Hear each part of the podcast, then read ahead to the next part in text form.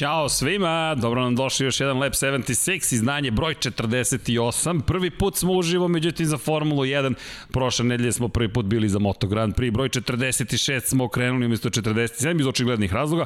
Ko nije bio sa nama, pa možete da pogledate naravno na kanalu Infinity Lighthouse, po jedan specijal na kraju bio posvećen Valentinu Rosiju.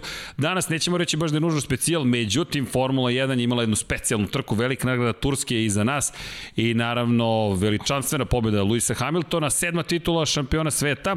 Standardna posada je tu, gospodin Pavle Živković, moj kolega i prijatelj, Ćao pa jo, prvi put smo zajedno uživo i eto veliki pozdrav svima da. koji su sa nama u ovom trenutku, ko gleda u odloženu snimku ili sluša na podcastima, pa nadamo se da ćete uživati, ali pre nego što počnemo, mesec Movembar, evo brkovi, ja ne znam, nadam se da su dovoljno porasli, moram pristiti da jedva čekam s jedne strane da se obrijem, ne znam kako uspevate, ali da podsjetimo Movembar, pokret globalni osnovan u Australiji i bavi se podizanjem svesti o bolestima muškaraca, testisa i prostate raka, pre svega, momci, proverite se, molim vas, Dakle, devojke, podržite svoje momke. S druge strane, pričamo naravno i mentalnom zdravlju. Takođe, imate puno podršku s ove strane. Svi imamo situacije kada nismo baš pri, možemo reći, u najboljoj formi, dakle, da ne idem sada u pesme kada nisam u dobroj formi, znaš na šta mislim, da. ali činjenice da... Šta radi drugi to? Tako je, šta nam uvek nam treba neka podrška. Da. S druge strane, mesec podeljenja svesti o diabetesu, dakle, za ljudi koji imaju probleme sa šećerom, vrlo ozbiljna bolest u pitanju, takođe, proverite se na vreme, neki od nas imaju preko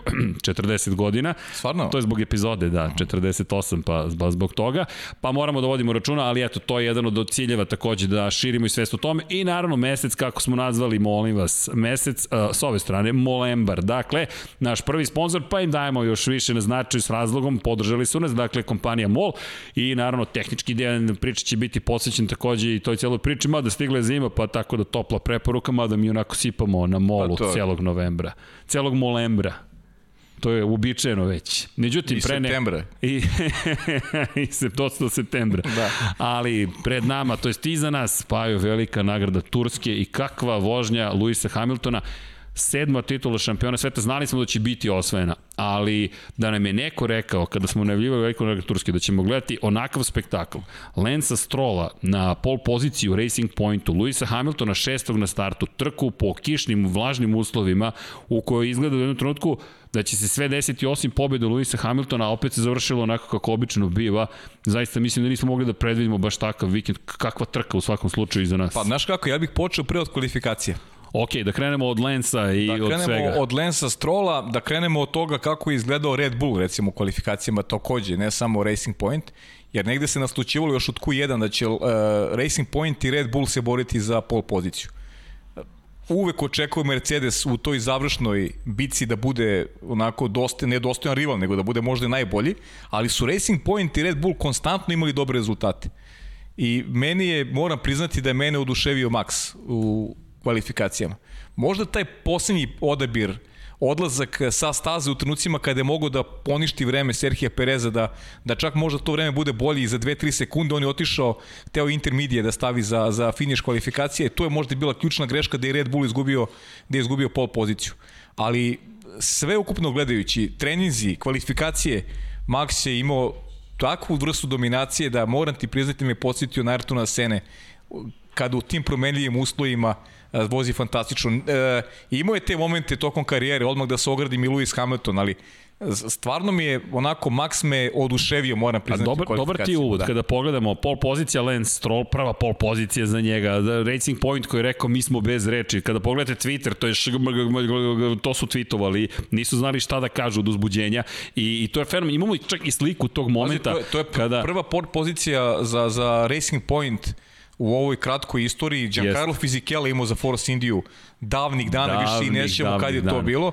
Pritom prva pol pozicija za jednog kanadskog vozača još od, od, još, od Žaka Vilneva. Još od Žaka Vilneva, koji je to period. Tako da je... Pogledaj taj moment, izvini. Dakle, zaista. evo ga taj trenutak, dakle, kada parkiraš na poziciju broj 1 i Lance Stroll koji je rekao svom inženjeru, izgovori, izgovori, pol Jest. pozicija i smejao se P1, P1, P1, dobio potvrdu, bio je pod istragom posle kvalifikacija, međutim, fenomenalan trenutak, bilo je tu još lepih momenta i kada izlazi iz bolida i kada se vidi ta kanadska zastava, koliko je to značilo celoj ekipi. Ono što je međutim važno, Max Verstappen rekao si na poziciji 2, ali iza njih Sergio Perez u Racing Pointu pozicije 3 i Alex Albon kao potvrda dobre forme Red Bulla pa, na četvrtom da, ali, mestu. Ali to je stvarno bio trend od početka kvalifikacije. Bili su fantastični sva četvorica. I Albon je odradio dobre posao u kvalifikacijama. Nije to na nivou onoga što je radio Max Verstappen, ne može da bude na to nivou. Je brz. Ali je bio brz i uradio je ono što, što tim traži od drugog vozača. Da prati prvog i da osvaja prosto da, da ima poziciju koja odgovara nekim zahtevima, zahtevima ekipe. To je nešto što fali Loj Pieru Gasiju, što fali generalno i Alex Albonu u nekom, nekom, nekom konačnom plasmanu. Racing Point za mene najprijatnije iznenađenje, definitivno. Nisam očekivao da će biti tako brzi u promenjenim vremenskim uslovima. Nisam očekivao da će Mercedes imati toliko muka. Uh, šesta pozicija tak. Luisa Hamiltona, deveti Valtteri Bottas srđane, nisu bili konkurentni ni u Q1, ni u Q2, ni u Q3. A ono što je meni bilo interesantno, izjava Luisa Hamiltona gde je rekao da smo mi kao ekipa, mi smo kao ekipa radili sve.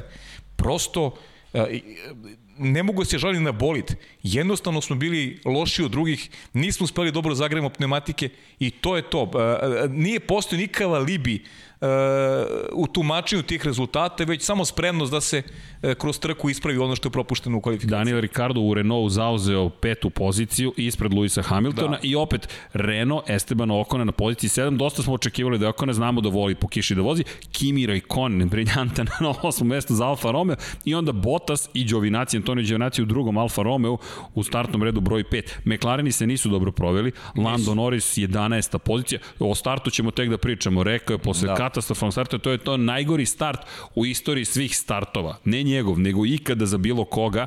Bio je pa ispred Sebastijana Fetela, međutim i, on, i, on, i, i, i Leclerc su loši startovali. Da. On i Leclerc su loši startovali. Ali dobro, ajde o tom potom, kažem, neka počne da pričamo o trci, ovo za sada smo i dalje kod tih pa, ali kvalifikacije, da. eto, McLaren Renault 11. 13. Carlos Sainz je bio 13. Ferrari na 12. 14. mestu i onda Pierre Gasly u Alfa Tauriju, s tim što je to bilo još problema posle za Alfa Tauri, Daniel Kviat u drugom Alfa Tauriju bio 17. 16. između njih dvojice Kevin Magnussen u Hasu i na začelju George Russell u Williamsu, da. drugi vozač Hasa, Roman Grožan i na začelju Nikola Latifi koji ima puno problema. Tako, i da pojasnimo moment koji se dogodio nakon, nakon kvalifikacija. 11 vozača su bili pod nekom istragom zbog nepoštovanja žutih zastava. Mislim da je Kej Magnussen dao najbolje objašnjenje. Ljudi niko nije gledao na žute zastave jer bili su nemogući uslovi, nije mogo vidljivo slaba, tako da je postojala šansa da zaista dobijemo apsolutnu promenu u poredku. Kažnjeni su na kraju samo dva vozača McLarena i tumačenje kod Lensa Strola da ipak na kraju popustio da je pustio gas u, u stvari, dovoljno pustio dovoljno gas, pustio gas u nekim kritičnim momentima kada se ukazala žuta zastava i zbog toga nije bio pod istragom. Tačnije, nije kažnjen sa tri pozicije uh, ili sa pet kao što su kao što su kažnjeni vozači McLarena što je još dodatno kompromitovao start trke za za momke iz McLarena jer su startovali sa zaista jako loših pozicija i Carlos Sainz i i Lando Norris, a opet su trku odradili, pa mogu slobodno reći, perfektno. Carlos Sainz možda uz malo sreće mogu je dođi do podijuma čak. Ali ima tu još jedan problem, dakle i to je Dom Pablo baš tražio pozdrav, inače još jednom za sve koji su sa nama, pratit ćemo naravno i chat i pitanja, ali Dom Pablo koji je baš istakao tu temu u kvalifikacija. Sebastian Vettel, četvorostruki svetski šampion, trenutno vozač Ferrarija u budućnosti vozač Aston Martina se oglasio.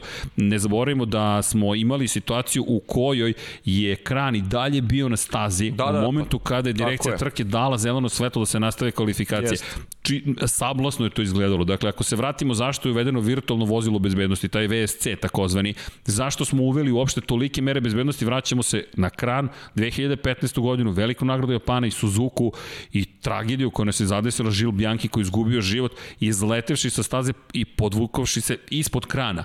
Dakle, mi imamo gotovo identičnu scenu i gledamo kako je kran i dalje tu uklanja bolid Williamsa, Nikola Latifija, a mi dobijamo zeleno svetlo. To je katastrofa i namerno to ističemo zašto to takve stvari ne smiju, ne da se događaju. Moram ti priznam da, da u tokom prenosa nisam baš obratio pažnju na taj detalj, jer toliko je bilo zabavno šta se dešava na stazi da taj periferni pogled takozvani mi nije ovaj nije bio dovoljno dobar da da da da vidim da da spa, da da spoznam da je kraj dalje na stazi, ali definitivno Sebastian Vettel odreagovao kako treba i optužio direkciju trke, rekao da takve stvari ne smiju da se događaju i to je mislim da, da malo veću osudu zaslužuje pre svega direkcija trke zbog toga što su dozvolili takvu vrstu propusta kao da im nije bilo u glavi e, šta se događalo u Japanu pre samo par godina. Da, Vettel je bio najglasniji i rekao je, ok, mi smo svi ljudi i razumem da se greške dešavaju, ali 0% tolerancije imam prema ovakvim pa, situacijama. Pa, pogotovo kada se vratimo, kao što si rekao, u Imolu, kada se vratimo u tu situaciju u kojoj iza vozila bezbednosti postoji to pravilo, dakle da vozači koji zaostaju za ceo krug mogu da se vrate u vodeći krug sa vodećima i dobijaju signal kada mogu da preteknu zapravo vozilo bezbednosti i punom brzinom nastave krug da voze. U Imoli su dozvolili to u direkciji trke u momentu kada su redari na stazi. Dakle, dramatično je to sve izgledalo. Drugu trku za redom imamo sličnu situaciju. Ovo nema veze sa organizatorima velike nagrade. Bilo, ne, ne. Turski bilo Emilije Romanje. Naravno, naravno. To je ista ekipa. Tako je. Koju vodi. Trke. Tako je. I Michael Masi je čovek koji vodi direkciju trke i koji yes. se oglasio, rekao je prosto da njegov predlog inače nije usvojen, ali da će uraditi na tome da proceduralne elemente unaprede za 2021. A, dobro. Moraju. Da, lako je sad da lako mu je sada kad se ništa nije dogodilo slično onome što smo gledali Japanu, tako da moglo je da bude zaista tragično s obzirom koliko inače bila staza, koliko nije dozvoljavala prijanjanje, koliko je asfalt je nov, Uh, osjećali su se, vozači su još na prvom treningu pričali da, da, da, da je onako izgleda im kao, onako kao da su, osjećaju se kao bambi na ledu, jer je proklizavanja konstantna, pritom su pokušavali, sećaš se da su uh, pokušavali sa ovim turističkim automobilima tokom pa. noći da, da malo izbace jedan sloj guma kako bi bilo više prijanjenja u subotu, ali kiša je pala pa, pa je to uticalo i tekako na, na, pa stazu u subotu. izbijao. Dakle, naš dragi prijatelj i kolega, čovek koji će nam nadam se gostovati kada se završi sezona ponovo, nastaviti svoju priču Zoran Živko, jedan je od redkih akreditovanih zapravo bio no, ne novinara, ja. novinari ne mogu da se akredituju, fotoreportera. Od 30 inače fotoreportera trenutno u Formuli 1, 10 imaju paralelne uloge, rade kao fotoreporteri i istovremeno su članovi timova. Gotovo je nemoguće da se akreditujete. Međutim, gospodin Živko je bio tamo i slao nam je poruke. Bitumen i rekao izbija. Ja kaže, ovo nikad nisam video. Kaže, bitumen izbija. Dakle, izbija iz asfalta i gledali smo kako se okreću na stazi. Pavle, očekivali smo brže vremena, bolje vremena. 15 sekundi su na prvom treningu zaostajali odnosno na ono što smo imali 2011. E da, da. inače, zaboravili smo. 2011. je naša prva trka, Jest. velika nagrada Turske 2011. 9 godina prođe do onda. I to smo i pričali i baš smo se radovali. Na kraju nismo zajedno radili. Pozdrav za našeg dragog Aleksandra Đankića, nažalost pati od COVID-19, dakle u karantinu je, nije mogao da radi ovoga vikenda, tako da nekako nismo mogli ovu istoriju da ispratimo zajedno, ali opet, to je ipak Turska pa, dobro, istorija, i bio je da, i težak početak, ali na kraju se, kako se sve završilo. Jeste, da, sjajno je bilo sve tokom, tokom cijelog vikenda, pa to je ono što, što volimo generalno svi koji gledamo, to, gledamo iz neutralnog ugla, pogotovo kad vozači posjećuju te nove staze i, i to su momenti kada jednostavno uh, vidiš ko je prirodni talent, vidiš ko se snalazi u drugačijim uslovima. Uh, koliko smo kritikovali Sebastina Fetela, sećaš se zone Hockenheim, E, za onu, za onu trku. Za izletanje kako sa staze. Kakav je posao odradio, je kakav je posao odradio u nedelju. On je jedan od redkih vozača koji u nedelju nije imao ni jednu grešku, bukvalno po, po onakvoj stazi. Ali bukvalno, samo je tim pogrešio što ga je držao 5,5 sekundi u, u pit stopu. Ali je fantastičnu trku imao. Zaista je vozio sjajno.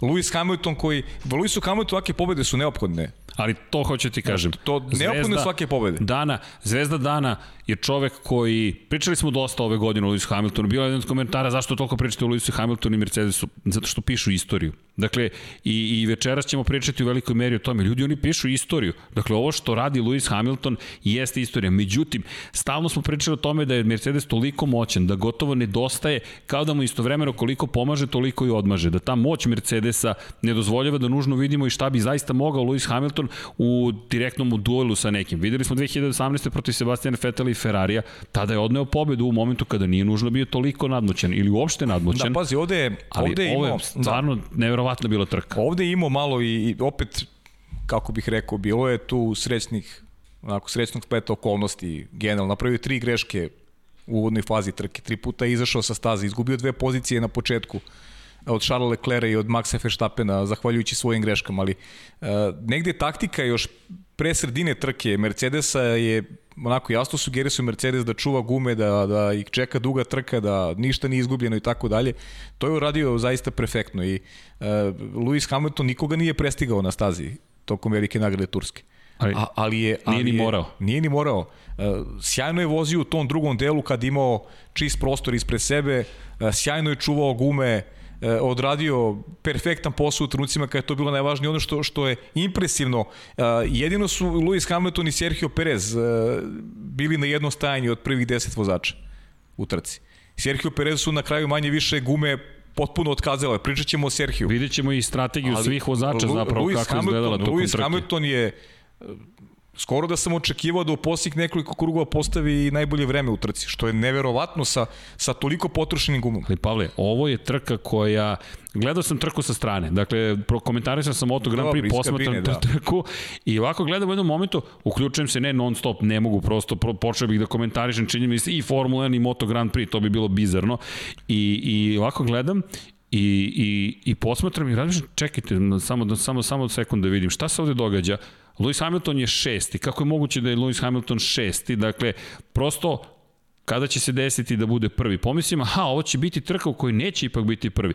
Okrenem se, vratim se nazad, pr prva pozicija, čekaj, to je taj moment, ali došli smo do tog momenta kada šta god da se desi, mislim da je sada pokazuje tu veličinu u kojoj može da se priča iz posle ove trke. Vanja, možemo bacimo pogled na gume.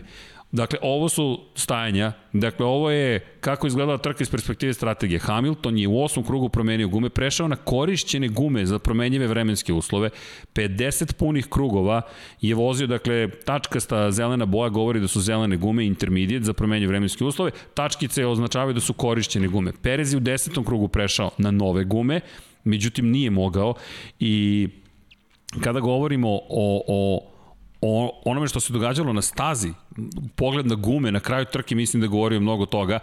Priča se dosta i o DAS sistemu, priča se o tome dosta da je u ključnom momentu dobio mogućnost da koristi DRS sistem, dakle da je to bilo nekako opet na stranu na ruku i na stranu Lewis Hamiltona, ali hajde da pogledamo te gume, da, da vidimo na šta je to ličilo. Ljudi, obratite pažnju na ovaj pneumatik prednji desni. To izgleda kao neka traktorska guma. Ovo delo je kao da ne bi trebalo bude guma koja se koristi za promenje vremenske uslove. Pa, Meni je to, to deluje ovaj, guma kao da ne bi trebalo da se koristi ni za šta, a ne je. za promenje vremenske uslove. Ovo je za otpad guma. Bukvalno je guma za otpad. A on je na njima došao do 94. pobjedu u karijeri. 50 krugova. 50 krugova, da. 50 Dobro, krugova. nisu, nisu ovako izgledale svi 50 Naravno. krugova, naravno, ali, Naravno. ali je dovezao, dovezao je svoj bolid do pobede. I to je bio jedini način da da on pobedi u trci je da da sa jednim sa jednom promenom pneumatika završi trku i bude ispred ispred e, kolega, ali ono što je impresivno kakvu razliku je napravio u odnosu na Sergio Perez. Ona je samo rasla, ona je otišla preko 20 sekundi. Uh, Lewis Hamilton, ne znam da li se to je detalj koji nisi čuo. Uh, nisi mogao da čuješ ili si mogao da vidiš samo sliku. Mercedes je čak razmišljao u finišu da jedan safety pit stop obave. Dobro. Jer su mogli, za, on imao prednost oko 25 sekundi, oni su mogli da promene pneumatike u samom finišu i da Luisa Hamiltona vrate na prvu poziciju. Ali opet nisu to uradili. Zato što je bila procena da će na tim gumama završiti trku. Jer to je bila radiokomunikacija Luisa Hamiltona i ekipe. Međutim, odustali su od toga, on se dovezao čovek novim starim gumama, 50 krugova, vidimo na šta liče, ali je do kraja eto uspeo da da ostvari jednu zaista veliku pobedu ono... iza njega i za pritom ovo je da ne zaboravimo srednje još jedan jubilej 200. pobeda Mercedesa u istoriji šampionata Formule 1 I to u kakvom trenutku? i to i pritom 72. Luisova čime se izjednačio sa Mihalom Šumacherom po broju pobeda, Pobeda u jednoj ekipi. U jednoj ekipi. Dakle, Tako. sada je tu izjednačen sa, sa velikim Mihalom Šumacherom i taj će rekord u neko dogledno vreme e, sigurno srušiti. Kada pogledaš, ono što sam čuo, dakle, potrudio sam se zaista da pratim, nije bilo jednostavno, posle sam naravno gledao i snimak i šta se sve događalo. Taj moment kada su mu govorili, piće tranzicije, spremi se za tranziciju, on je rekao, ljudi, ovde je pitanje da će biti tranzicije. Tranzicija prelaska sa guma za kišu na gume za suvo. Da, da. Znam da se o tome spekulisalo da li Mnogi su, da, da, da, li da, ne. da li će na slikove da idu, ali nije bilo prosto prosto nije bilo prilike da da se tako nešto dogodi. Staza je bila i, suviše mokra da, da, da bi došlo do, do, do, to, do te vrste rizika. I kada govorimo o generalno odlukama tokom te trke, dakle, ekipe koje su... Ferrari je povukao zanimljive poteze. Ne, Ferrari je sjajne poteze vukao. Možemo bacim pa, pogled vanje, molim te, to, to je super kadar da vidite. Dakle, brate pažnju na i Sebastijana Vettel i Charles Leclerc. Vettel i Leclerc su dva puta menjali gume. Jeste. Dakle, u 8. i 33. Vettel, Leclerc u 6. i 30. Oba navrata su prelazili na intermediate nove i kada pogledamo sada iz ove perspektive, to deluje kao da nije Da li je to sad pobednička ili nije pobednička strategija? Dakle, Hamilton na korišćenim gumama i Perez na novim gumama su izdržali do kraja trke. Perez, ok, u poslednji krugu okay, pa, imao ispo, i sreću se da je bila uh, pobednička strategija za Luis. Ali, znaš, Ferrari je mnogo nadoknađivao u samo jednom krugu što su otišli pre ostalih na promenu pneumatika. Mnogo vremena su nadoknađivali. Ferrari je vukao prave potez iz percepcije oba vozača. Jedina greška je bila to, to drugo stajanje Sebastina Vettel koje je bilo i suviše dugo. Da li bi to Vettel omogućilo da se bori za drugu poziciju on je izgubio mesto na, na tačnije poziciju na, na stazi od Charles Leclerc, Leclerc ga je prestigao u toj završnici trke, kada je krenuo pohod na Serhija Pereza na poziciju 2, ali bi svakako uštedao mnogo vremena Sebastian Vettel da je recimo to stanje bilo 2,3 sekunda, a ne 5,3. 3 sekunde su ogromne u jednoj takvoj trci, da. Mnogo, Baš u mnogo. svakoj, kamoli u to ovoj gde, gde svaka greška te to, to, to tako je, skupo košta. Jedina greška Ferrarija u trci je bila ta.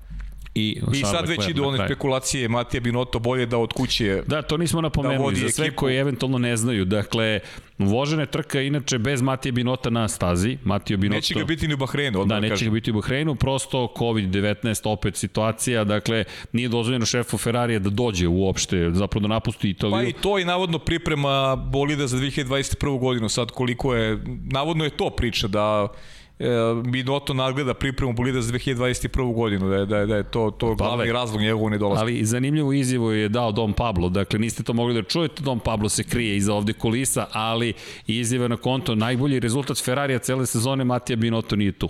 Pa dobro, to, mislim, to, to je tačno. To, ironija. to je tačno. Dakle, a Ferrari, iako malo skačem na temu, je odjednom u šampionatu konstruktora došao u situaciju da razmišlja čak i o poziciji broj 3. Pa ovde nešto što nam je delovalo kao da je pa- nemoguća misija. Treće, četvrto mesto, odjednom skupiš 27 poena i kažeš 37 poena u, u 27 u jednoj trci i ti si sada na 6 poena samo od Renaulta.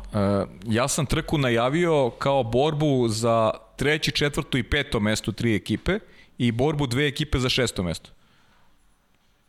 Više nema te borbe za nema šesto borbe. mesto. Uključili smo Ferrari u tu bitku čak i za treće mesto. Ko zna, jeste Racing Point otišao daleko zahvaljujući Serhiju Perezu, ali i dalje smatram da je forma Lensa Strola loša bez obzira na tu pol poziciju, iskoristio je, zaista bio sjajan u promenljivim vremenskim uslovima, iskoristio sve mogućnosti koje imao Racing Point, ali generalno druga polovina trke je bila baš slaba za Lensa Strola i imaju problem sa prednjim krilom. Jest, to su na kraju stanovili jest. da je došlo do oštećenja prednjeg krila, zapravo da ga je to koštalo. Jeste, to su rekli na kraju trke, ali generalno Sergio Perez je taj koji vuče tu ekipu i srđene da ne budemo opet onako kao proroci, ali rekli smo u jednom momentu da se osjeća prosto taj motiv ko Serhija Pereza i da želi da se oprosti sa jednim vrhunskim rezultatom, to se dogodilo, evo ga, još jedan podijum za, za Serhija. U sinopsi, da, inače, Serhio Perez još uvek nema ugovor za sledeću godinu, imamo mnogo tema, vratit ćemo se na Luisa Hamiltona, o, ovakva vrsta pobede, kada dođete do sedme titule šampiona sveta, zaslužuje posebnu pažnju, 94. u karijeri, 72. sa Mercedesom, situacija u kojoj se čini da će biti šest koju nema šansu. Inače, da imamo jednu samo, samo ispravku, ispravim ako grešim, ali koliko znam po, po mapam, po zapravo izveštajima koje sam gledao kada, kako su se kretale pozicije uh, Serhija Pereza, mislim da je pretekao Hamilton, ispravite me ako grešim, Pereza, dakle jedinog pretekao u, u samoj trci. Dakle, imao je tu bitku, ne mogu ali uh, Sergio Perez je ono što je zanimljivo, dakle bio na sličnoj strategiji i to je bio direktan taj duel za, za, za prvu poziciju, gde možemo reći Mercedes iz 2020. protiv Mercedes iz 2019. i čoveka koji ima sedam titula za šampiona sveta i nekoga ko nema ugovor. Meni je bilo impresivno, kao što se rekao, Perez kako je vukao celu ekipu. Inače, drama je bila u Imoli, rekao je posle trka u Imoli, ne zaboravim, imao je u rukama treće mesto. Otišli su na zamenu guma i za vozila bezbednosti, izgubio ga protiv Daniela Ricarda, pa i Danija Kvjata, pa i Charles Leclerc. Dakle, došao u situaciju da je propuštena možda poslednja prilika da bude na pobedničkom postolju. I evo nagrade. I savršena slika je bila u Turskoj, moment kada se penje na pobedničko postolje. Dakle, Sergio Perez koji stoji ispred cele svoje ruke. Pogledajte ovo, pa, pa, pa koliko je ovo dobro. 11. izlazi na pobedničko postolje i ceo tim Racing Pointa to jest deo njegove garaže koji čestita. Meni je ovo jedna od tih lepših slika iz Turske. Mnogo lepih slika smo dobili iz Turske. Zaista trka uz sve probleme, bitumen, kišu, greške direkcije trke za pamćenje. Ja, ja ću makar pamtiti, iako nisam, nažalost, prenosio, ali, ali ću je pamtiti. Ali, znaš šta je, koju poruku, koju poruku šalje velika nagrada Turske? E, oni najbolji vozači su odradili trku na najbolji mogući način u tim promenljivim vremenskim uslovima. Sa izuzetkom Maxa Feštapana koji je bio i suviše nervozan. On je tema za on je, sebe, da. On je bio nervozan još u subotu. Ona slika gde on sedi pokunjen, to mi je baš Dom Pablo poslao, gde sedi pokunjen uh, uz neki zid, kao da je bio posljednji. To je, to je šampionski nerv. To je posle kvalifikacije je, kada je, posle kada izgubio. Tako je. On, je, on je čovjek, razočaran čovjek. Znači osoba kao da su sve lađe potonuli. I on je, pritom imao je očajan start i sve je pokušao da nadoknadi što je brže moguće. On je imao u glavi samo pobedu. I da nije bio toliko agresivan u onom duelu sa Serhijom Perezom kada je, kada je Perezu pobegao zadnji kraj. U 11. kriviri. Kada mu pobegao zadnji kraj, on je tu želeo što pre da, da dođe do druge pozicije, malo da je bio strpljiviji, ali e, nervoza se prenela od subote, prenela se na nedelju, bio je svestan da je ovo moment kada moment koji je zreo za pobedu gde je on svakako u najboljoj formi u tom određenom trenutku, dakle na toj stazi Red Bull odgovara konfiguracija staze, oni perfektni u kvalifikacijama, znači on ima u glavi pobedu.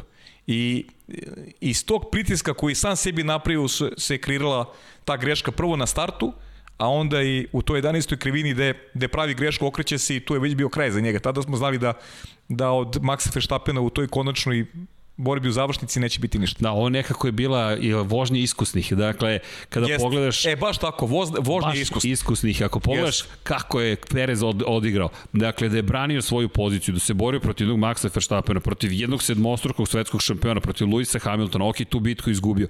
Ali ljudi, pričamo o Racing Pointu, dakle, mi ne govorimo o fabričkoj ekipi, to će postati sledeće godine. Podijum, po, to su, to su, to su iskusni vozači, yes. koji su prošli svašti, koji su, koji su odreagovali fantastično u, u, u toj trenutku poređenje. Pa i, pa i Charles Leclerc je napravio, napravio grešku posljednjim krivini. Ali, a pazi sad o čemu mi pričamo. Mi poredimo, dakle, Serhija Pereza, Lensa Strola. Poštojem Lensa Strola, imao je problem s bolidom, ne znamo. Evo ga moment kada je Strol, moramo se vratiti na sekundu Strola. Pogledajte taj trenutak proslave pol pozicije. Svaka mu čast, pol Nije pozicija, sporno, sajno tempiranje. Imao je problem tako da ne znamo gde bi, došao, gde, gde bi došao u trci da nije bilo tog problema. Međutim, Sergio Perez, kako je odvezao trku i, i, i ovo je jedan od meni lepših Turkish Grand Prix 2020. A ja nemam ugovor. Znaš kako su... Ovaj čovjek nema, izvini, ovaj nema ugovor, nema ugovor čovjek. Pa mnogi su, mnogi su ovu trku najavili kao borbu Serhija Pereza i Alex Albona za mesto u Red Bull. Ako pospatramo trku iz te prizme, Sergio Perez je pobedio. Ba, vozač dana. E sad, imamo drugu, drugu stranu medalje, da, da je navodno porodica Verstappen mnogo bliže Niku Hulkenbergu i da oni su ti koji zagovaraju dolazak Nika Hulkenberga zbog tih njihovih među... Naravno, uh, Niko je rekao da je potpisao ugovor neki. Ne, tako je. Reč Maxa Verstappen u Red Bullu, naravno da se poštuje. On je čovjek broj 1. Se. Znamo koliko i Jos Verstappen utiče na kreiranje politike oko ekipe i tako dalje. Tako da se tu negde vodi bitka Sergio Perez ili, ili, Max, ili Niko Hulkenberg. Ja mislim da Alex Albon, da je tu bitku već izgubio. Pa, pa hajmo da se osvrnemo na, na, na Alex Albona. Hajmo da se osvrnemo ne samo na Alex Albona. Krenuh da poredim. Dakle, imamo Strola, Pereza, Perez, pozicija broj 2 na kraju, uprko sa onoj grešci, dotaći ćemo se i komentara Charles Leclerca, Sebastian Vettel protiv klubskog kolege, odneo na kraju pobedu, ali govorimo o četvorostrukom svetskom šampionu i jednom od najtalentovanijih vozača današnjice, koji su završili trku. Gledamo Hamiltona i Valterija Bottasa s druge strane. Bottas se šest puta okrenuo tokom trke. I obišao ga je za krug. krug. Čekaj, Pavle, šest puta si se okrenuo obiđete za ceo krug klubskih kolega, u čemu god. Dakle, obiđete ceo krug i šest puta si se okrenuo, a ti imaš Mercedes. Dakle, možda Mercedes sigurno na, na, na, na plavim gumama, gumama za, za pune vlažne uslove nije funkcionisao savršeno. Ok. Ali Hamilton pa je ostao u igri pa i borio pa se. Pa nije ni Lewis funkcionisao i on je pravio grešku. Ali je ostao tu. Ali je ostao tu i isto, ista strategija je bila za obojicu. I gde je Bottas? Krug iza. Užas. Izvini, imam koment, prijateljica moja Tijena je gledala dok smo spremali grafike i kaže, šta ovo piše 50, možeš Vanja, molim te da vratiš grafiku o, o, o pit, pit stopovima, dakle stanjima. Kaže, šta je ovo 57 kod ostalih? Jel oni nisu završili trku? Ja kažem, ne, To su vozači koji su za ceo krug na kraju zaostajali. Dakle, po onim vremenskim uslovima, Okon, Kvijat, Gasly, Bottas, Raikkonen, Russell, dobro, Magnussen tu već su odustajanja, nisu, nisu u krugu bili s vodećim. koji se mučio i onda okrenuo situaciju svoj korist na onim gumama i ogromne pohvale zaista za, za Luisa Hamiltona. Toliko smo ga hvalili, toliko je stvari postigao da je nekako teško hvaliti ga, ali po onakoj kiši, hladnim uslovima. Pro, problem, problem Luisa Hamiltona, problem, mislim, problem. Uh, kad gledamo onako jednu širu sliku, što nema mnogo ovakvih trka. Znaš, što su, što su trke Mercedesa, njegove tačnije trke su krene iz, iz prve krivine i završi trku na prvoj poziciji i onda pričamo o snagi, snazi agregata i Mercedesa i tako dalje i tako dalje. Ovo, ovo je bila fantastična trka. Definitivno. Sjajno je čuvao pneumatike, odradio posao, strategija je bila dobra, sve je bilo kako treba. Znači, ovakve trke prosto volimo da gledamo. I iz njegove percepcije i svega ostalog što smo gledali tokom ta dva sata iz mog ugla možda i e, najbolje ovo sezonske trke. Sad ne znam, možda, možda su tu e, neki, neko se neće složiti, ali meni je recimo trka takvu pažnju držala da, da sam bukvalno bio onako prikovan za, za, za stolicu od početka do kraja. Jednostavno nisam znao šta više da pratim koliko je bilo, koliko je bilo dramatično. Ne znam, ja, ono što sam uspeo i kasnije, nije, evo, ovo je zanimljivo, dakle, hvala Vanja. Albon je odstao najduže na, na gumama za, za kišu, plave gume, mada deluje kada su ljubičaste. Najbrži krug je vozio po tim gumama Max Verstappen 1.48.610. Dakle, uspeo je da odveze mnogo bolje nego bilo ko drugi, ali kratko je trajao taj period dok su koristili plave gume. 50 krugova je Hamilton vozio na zelenim gumama, intermediate, najduže od svih vozača, Međutim, Norris je inače pripao mu jedan point za najbrži krug trke, da. 1.36.806, pa onda Bottas i Verstappen. I dotakao bih se još jednom Bottas i Verstappen. Dakle, imali su te brze pojedinačne krugove. Inače, koliko god da je pritisak izvršio sebe Max Verstappen, mislim da i on zaslužuje kritike s jedne strane ozbiljne, pogrešio u momentima kada se kada je imao pobedu potencijalno u rukama. Dakle, on je se borio za to prvo mesto. S druge strane, Max je na kraju opet pobedio klubskog kolegu, dakle opet je bio ispred Albona na kraju trke, on je došao do cilja. Dakle, nije da nije završio trku. Znaš kako, ovo je, ovo je 14. trka u, u sezoni. Ovo je prvi put uh, ove godine da možemo da pričamo o uh, greškama Maxa Verstappena. On je do sad imao te tehničke probleme i od, odradio Ovo je sve... prva trka sa greškama, prva, i prva, ozbiljnim. Prva trka koju, nije, koju je završio, a nije na podijum. Prvi put se dogodilo da završi trku da nije na podijum ali to je taj, kažem ti, ja negde prepoznajem taj pritisak koji je, koji je najmetnuo sam sebi. Jer, e, naš, naš na koju reakciju me posjetila ta njegova posle kvalifikacije? Na Fetelovu iz 2018. u Monci. Kada je bio drugi kvalifikacijama i kada je delovo kao jako ljut, razočaran čovjek. A pobedio ga je timski kolega, Kimi Rekonen, sećaš se. E, Fetelu jako teško palo to drugo mesto i to nije krio uopšte. I neko se ta loša energija prenela i na, i na samu trku. E, isti slučaj rekao bih da, da se dogodio Maxu Verstappenu. E, jednostavno je bio negativan. E, bio je tužan što mnogo je posvetio pažnji tome što nije prvi. E, nije se neko fokusirao na, na ono što ga čeka u nedelju, a u nedelju je želeo, imam utisak, po svaku cijelu dokaže da, da, da je to njegova staza, da će on tu pobediti. I onda su se tu kreirale dve velike greške. Po onaj start je bio zaista jako, jako loše. Da, i generalno ta okretanja, ali to me opet dovodi do, do pobedničkog postolja tih momaka, pa i Charles Leclerc, iako nije bio na pobedničkom postolju, Možemo da čujemo njegovu reakciju Vanja po završetku trke. Meni je ovo impresivna reakcija, dakle ne zamerite malo na teško možda rečniku, ako budete u mogućnosti da čujete. Dakle, nadam se da će ovoga puta zvuk funkcionisati. Radili smo na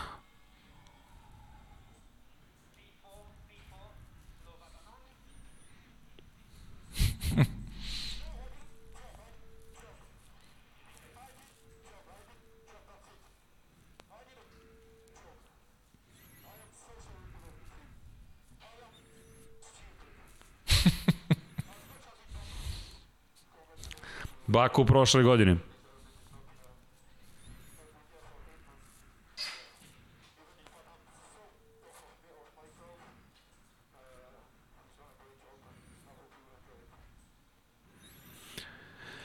Kakva reakcija? Tim pa, ti kaže četvrti da. si, uspori, sve je okej, okay, uradio si dobar posao, ne, ja sam uradio, ajde da. da parafraziram, loš posao, loš posao, loš posao, izvinjam se celoj ekipi, ali to je sve nekih 10 sekundi, to hoću da kažem, da. u 10 sekundi kada si prošao kroz cilj, ti kažeš šestiti sebu, neka uživo ome i zaslužio je za celu sezonu. I jeste zaslužio, da ne zaboravimo, prvo pobjedičko postoje za Sebastijana Fetela ove godine u Ferrariju. Napisao sam u sinopsisu, evo Don Pablo me izgradio, napisao sam oproštajno pobjedičko postoje od Ferrarija Sebastijana Fetela. Pitanje je bilo srđene, je li to bila poslednja trka sezone?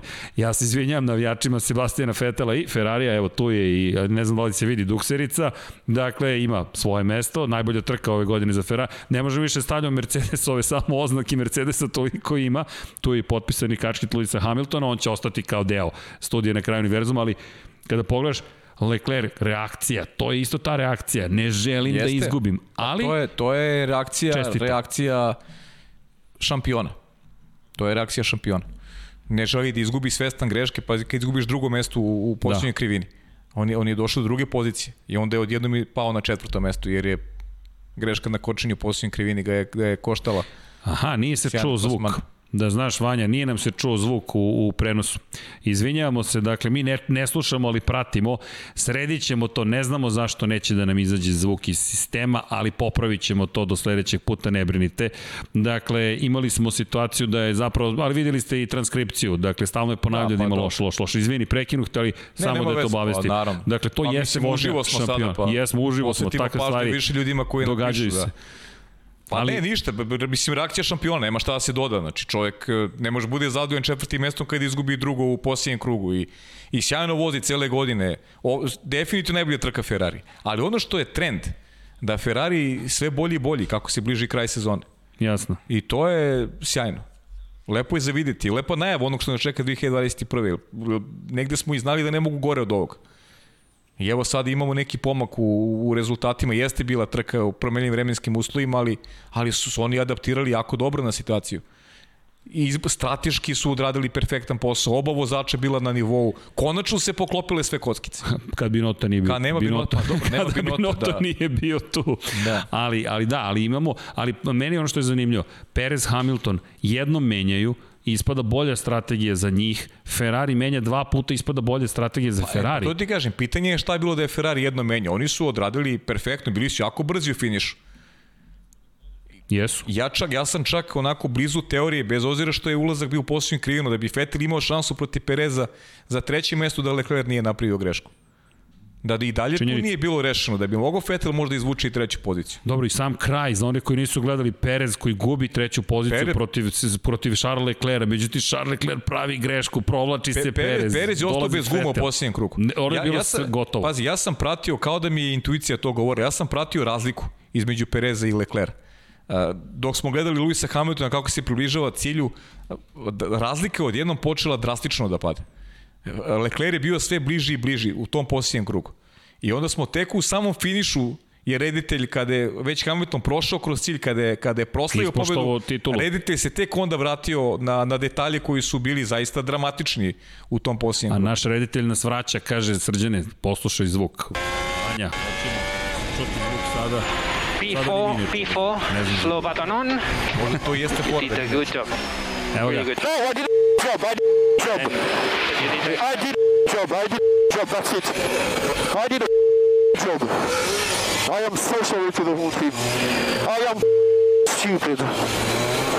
As much as in Baku, congratulations to, to Seb, he deserves it. It's not been a, a good year for him. And yeah, even if I'm so off of me, of myself, uh, he's done a great job and I hope you will enjoy it. Šta ti kažem, Vanja, hvala. dakle, legendarni Vanja, naravno.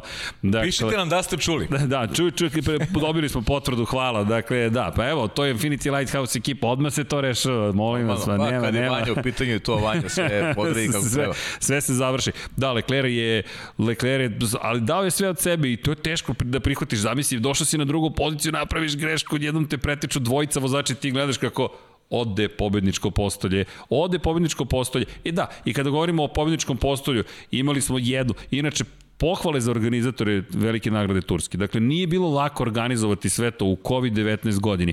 Pri čemu najaviti da ćete imati gledalce, prodati karte, ulaznice Ne i onda... gledalaca, nego 100.000 gledalaca. Da, da je bilo najava da će to biti spektakl, jedan sportski iz perspektive gledalaca, otkažete to sve. Zatim ministarstvo reaguje, možda malo prekasno, stavi se novi asfalt, bitumen koji izbija, pa onda vozite sportske automobile u pola noći, ne bili sredili asfalt do trke. Zaista su, se, zaista su uradili sve što su mogli da organizuju da. dobru trku. I onda naprave gaf koji moramo da spomenemo. Ne sećam se da je naturalizovani Meksikanac Sebastian Vettel ili naturalizovani Nemac Sergio Perez pobedniku su pogodili zastavu. Inače kako se desio ovo, kako se desila ova greška? Sergio je stajao na stao na pravo mesto, dakle na pobedničkom postolju na dnu, iako se ne vidi iz ove perspektive piše drugo mesto, kod Vettela treće mesto i stali su dobro na svoje pozicije. Međutim neko režije je zamenio ko gde treba da stoji i dobi smo dakle Eto da je otišao u Meksiko Sebastian Vettel, a čeka u Nemačku. Ali okej, okay, zaista pohvale i dalje organizatorima. Nije bilo šta lako učiniti. To je zato što je Vettel otišao na čekovo mesto u, u ekipu da, Racing da, Point. Da, bravo, to je, to je zamena. Dakle, pomešali zato su ko priča, za koga da. vozi. Tako je, zato je priča. pa to su njegove buduće boje. Mada neće Jeste. biti te boje, bit će zelene boje. E, kada spominješ Aston Martin, izvini, jedna bitna napomena. Sledeće godine, da li mogu da ti kažem ko će, da li, to je, znam da ti znaš, ali Da li znate koji dva automobila će biti korišćeni kao vozila bezbednosti? Evo, ako možete vi odgovorite, ako ne znate, to su najnovije vesti iz Formule 1, Pavla ja znamo, ali mislim da se nekako odgovor sam nameće. Za oni koji eventualno ne znaju, Brzo ćemo uskoro odgovoriti, naravno, ali činjenica je, tako je, evo, Never Give Up odgovara Aston Martin i Mercedes. Dakle, Tu nema nikakve veze ljudi jedno s drugim, to je samo slučajnost, ali... Pa naravno da je slučajnost. naravno da je slučajnost, u svakom slučaju je to zanimljivo. Ali eto, Sebastian Vettel vozit će Aston Martin, Lewis Hamilton će voziti Mercedes, a... Da šta je, pričali smo šta je interesantno za Sebastiana Vettela i neko se, ti neki istorijski momenti se ponavljaju kada je Istanbul u pitanju. Nije mnogo vozača iz ove garniture vozilo u Istanbulu. Nije. A Sebastian Vettel je sa 19 godina i 53 dana bio najmlađi vozač koji se pojavio na jednom trkačkom vikendu u Formuli 1. To se dogodilo baš u Turskoj 2006. godine kada je vozio za BMW Zauber. E, Vettel je kasnije sa Red Bullom imao tu pobedu 2011. godine koju smo ti ja prvi put Jeste. komentarisali u, u našim, u našim životima. A onda 2012. dolazi taj incident sa Markom Weberom da. koji je bio najveći incident između dva vozača Red Bulla.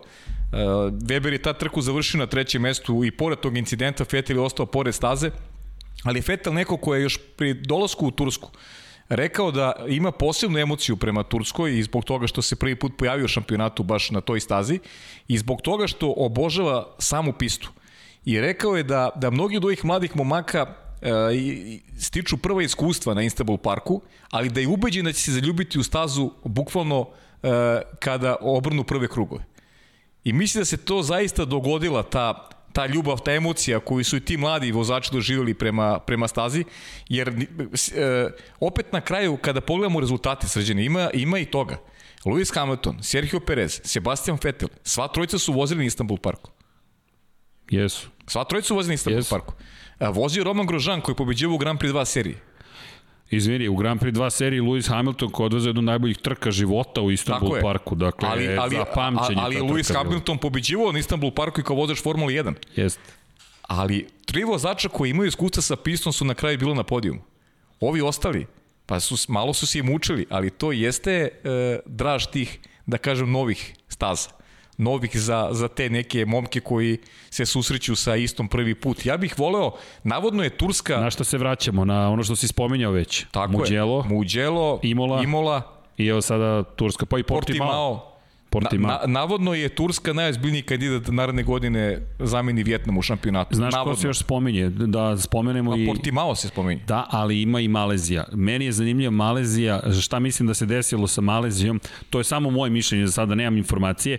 Dakle, Malezija koja je otkazala ugovor sa Formulom 1, rekla mi nemamo gledanost. Prazne su tribine, u Moto Grand Prix su dosegli jedan nivo neverovatne popunjenosti. Iako je to zanimljivo, Formula 1 je bila ultra posećena i potpuno se promenio odnos snaga. Dakle, Moto Grand Prix puni tribine tribine Formula 1 su prazni, međutim, ko je glavni sponsor ekipe Mercedesa?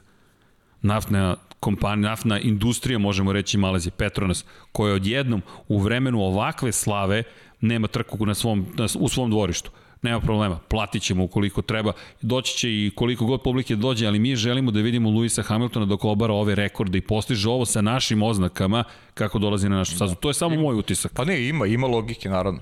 Kažem, za sada to su neke informacije koje imamo vezane za Tursku i Mislim da je kompletan utisak onoga što smo videli u Turskoj pozitivan, ali isto tako pozitivan i kad govorimo o Imoli Portimao. Navodno su Turske i Portimao najizbiljniji kandidati. To da. su neke posljednje informacije. Da. Sad, A u Vjetnamu biti... skandal. U Vjetnamu, u Vjetnamu samo u Vjetnamu, hapse. hapse, da, ludilo. hapse kolika je korupcija bila oko staze. Jest. A mi se baš obradovali, idemo Hano i bit će super, sjajno sve. Nema od Hanoja ništa do daljnjega.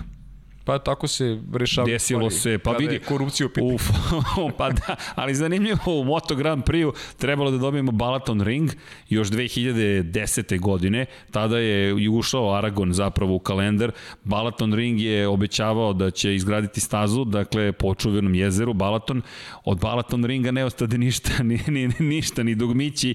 Samo je priča o Balaton Ringu i budžeti koji su isparili negde. Nije bilo ni hapšenja na kraju, ali staze nema. No, to je, Aragon je zato dobio svoju priliku, ali činjenica je da, da pratimo vrlo pažljivo ko će još eventualno ući, 23 trke za one koji ne znaju su potvrđene za da, sada, da, već, za narednu već ima sezonu. reakcije, onako da je, svi su reagovali, da je onako pomalo i kalendar sastavljen mimo onoga što publika je neko žele. realna neka slika, da. Pa i slika kada pričamo o tom finansijskom momentu, u aktualnom trenutku u kome živimo, COVID i dalje, kakva će biti situacija u 2021. godini, kako će ekipe živeti, treba 23 vikenda da obezbediš za, za jedan trkački vikend, da, da li će biti publike, izvori, da, i, izvori prihoda. Ali imaš drugi problem, imaš drugi problem, problem je što sada mi imamo trke u Evropi u sred zime Dakle, u sred, evo, jesenje, praktično je zima, kiša je padala, da. baš su zahtevni. E, izvinjam se, da, sad sam se, čekaj, na vreme sam se setio. Kada pričamo o zimi, dakle, da ne zaboravimo, dakle, kada govorimo o tim vremenskim uslovima, pričali smo o tome, dakle, mi mesec novembar da smo posvetili uh, brkovima i kompaniji MOL, Molembar, dakle, zašto spomenjamo? Ljudi, počela je po, pa jesenja sezona vožnje, dakle, vodite računa o bezbednosti, vodite računa naravno i, i o svojim automobilima,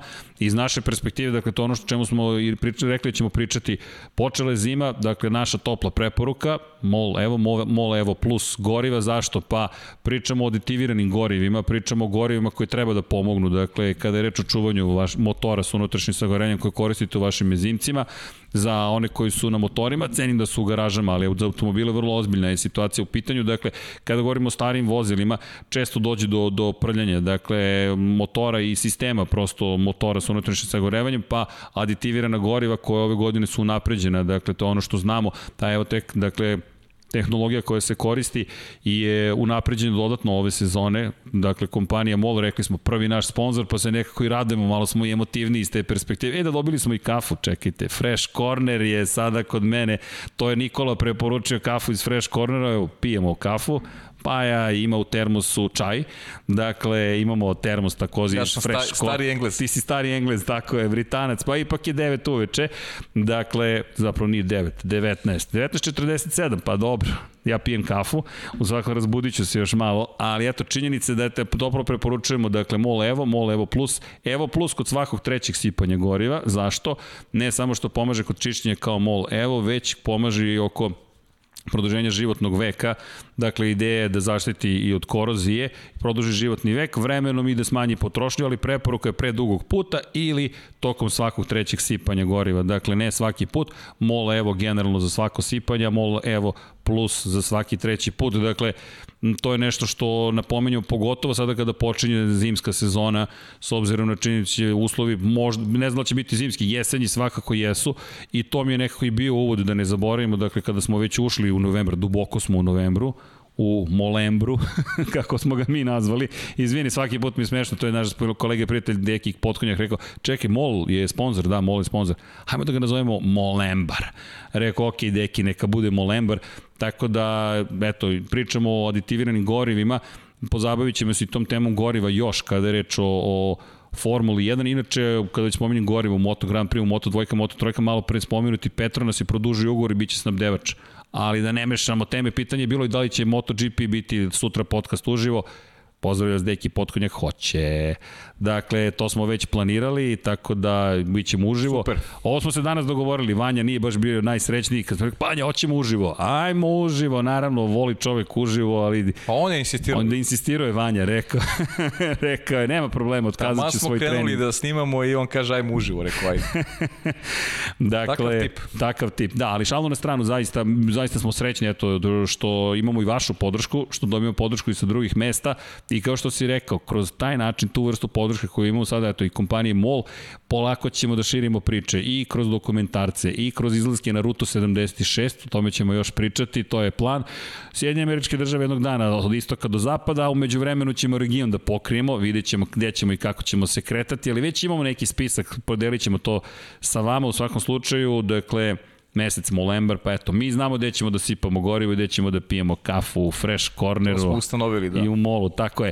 Dakle, i iz te perspektive, dakle, zime, da ne zaboravim tu temu, teško organizovati, evo ga kalendar, hvala Vanja, dakle, teško organizovati celu priču kada govorimo o o, o jeseni u Evropi. Postoji navodno rezervni kalendar, Dakle, u Moto Grand Prix to potvrdio Carmelo Espeleta, gde ukoliko ovaj kalendar ne bude mogao da bude sproveden u delo, ćemo se osloniti na neku kombinaciju kalendara, kalendara iz ove godine i želja koje imamo za dužinu trajanja šampionata. Pa verujem da je to isti slučaj i sa, i sa Formula 1. Ne mogu da se oslone na a, isključivo na, na, na, na ovaj kalendar koji je napravljen poučen iskustvom koji imamo iz 2020. godine.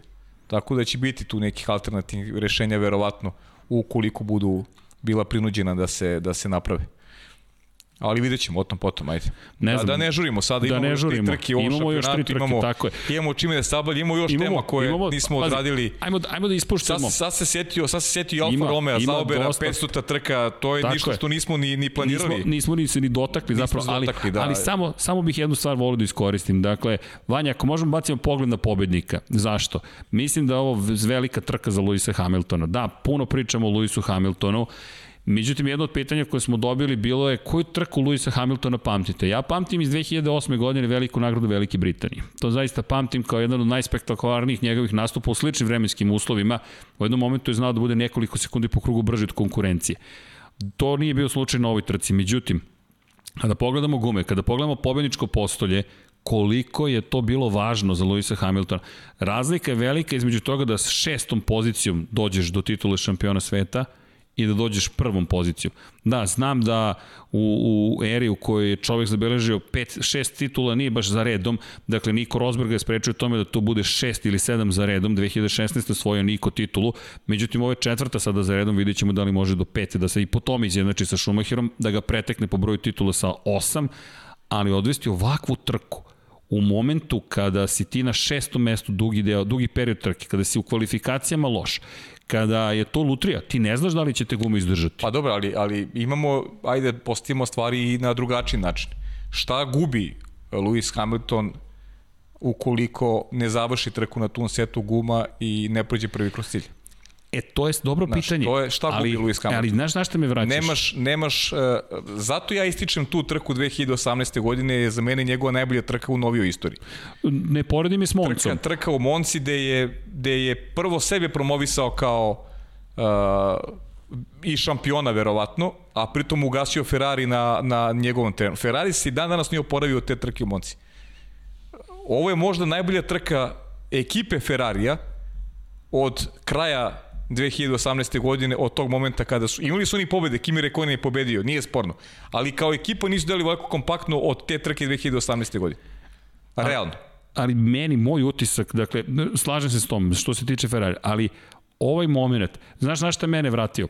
I ne samo meni, to je Lewis Hamilton rekao, njega su pozvali inače dva kruga pre kraja da ode na, na zamenu guma. Da, da. da, da, da, on je to odbio. Dakle, rekao odbio je, ekipi tako neću. Je, rekao je da neće, da. Ali kasnije izjavio da ga je to podsjetilo na veliku nagradu Kine 2007. godine. Debitanska njegova sezona, devet puta za redom u, de, u debitanskoj godini, na početku svoje karijere, on je na pobedničkom postolju, uključujući onu čuvenu pobedu u Kanadi, kao prvu pobedu Novajlija koji je došao i pored Fernanda Alonso koji se pitao, a šta će nama taj, šta će nam Novajlija? Ne Lewis Hamilton. Za ne bi trebalo da imamo iskusnog čoveka da bismo se borili za titulu šampiona u konkurenciji konstruktora? Dolazi jedan klinac Hamilton i ima devet plasmana na pobjedičkom postolju, prvih devet trka u svojoj karijeri. Dolazi na kraju godine veliku nagradu Kine, sluša naređenja McLarena, McLaren Mercedesa i onaj ulazak u pit lane ga dovodi do toga da se on nasukao praktično i nije osvojio titulu to jest otvorio je vrata kasnije Kimi Raikkonenu i Fernando Alonso. Alonso koji izleteo sa staze na prethodnoj trci, e, Lewis Hamilton odvezio jednu fantastičnu trku, dakle pobedio Fernanda Alonso e, trku pre, međutim u Kini izleće sa staze, na to se podsjetio i šta je može da izgubi? E, teoretski kada je reč o tituli ništa, međutim, zamisli razliku između toga da si se okrenuo na stazi i da je isteklo prosto toliko, da, da dolaziš do toga da ćeš osvojiti titulu zato što tvoj najbliži konkurent nije bolje odvezao ne, ali, i da je to to. Na što ću ti kažeš, nisi me razumeo. Pobjeda. E, veliki šampion uvek e, stremi tome da pobedi. U tom Tako smislu. Je. I e, zato je nekde strategija i logična bila da on pokuša da na jednu zaustavljenu pobedi konkurenciji i da pobedi ništa. Sve ili ništa, tako razmišlja neko ko je šampion. To, to nema, Slažem se, nisam te razumeo. Nemamo, da, to je to. nemamo dilemu uopšte kod toga, ali to ti, to. kažem ti, u generalnom plasmanu opet, drugačije bi razmišljao da, da Bottas, da ima tri pojene više od Bottasa. Dobro, Znaš, to nažalost on, ne znamo. Onda bi, onda bi drugačije razmišljao, to, sigurno. To nažalost jer, ne znamo. Jer šta je, šta je ulog onda? Onda je ulog šampionska titula.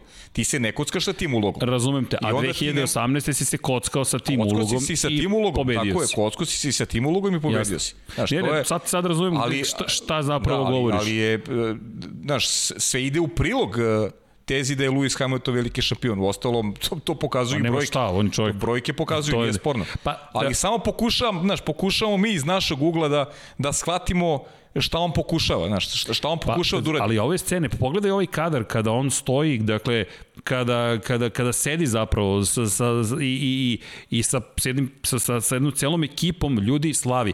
I kada priča o tome da im nije važna istorija, mislim da je to Don Pablo sjajno zapravo objasnio. Pa ne, ali to, to, to ne postoji čovjek ali, kome to nije tako važno. je, ali prvi put da su i Toto Wolff i Lewis Hamilton jasno pokazali koliko im znači.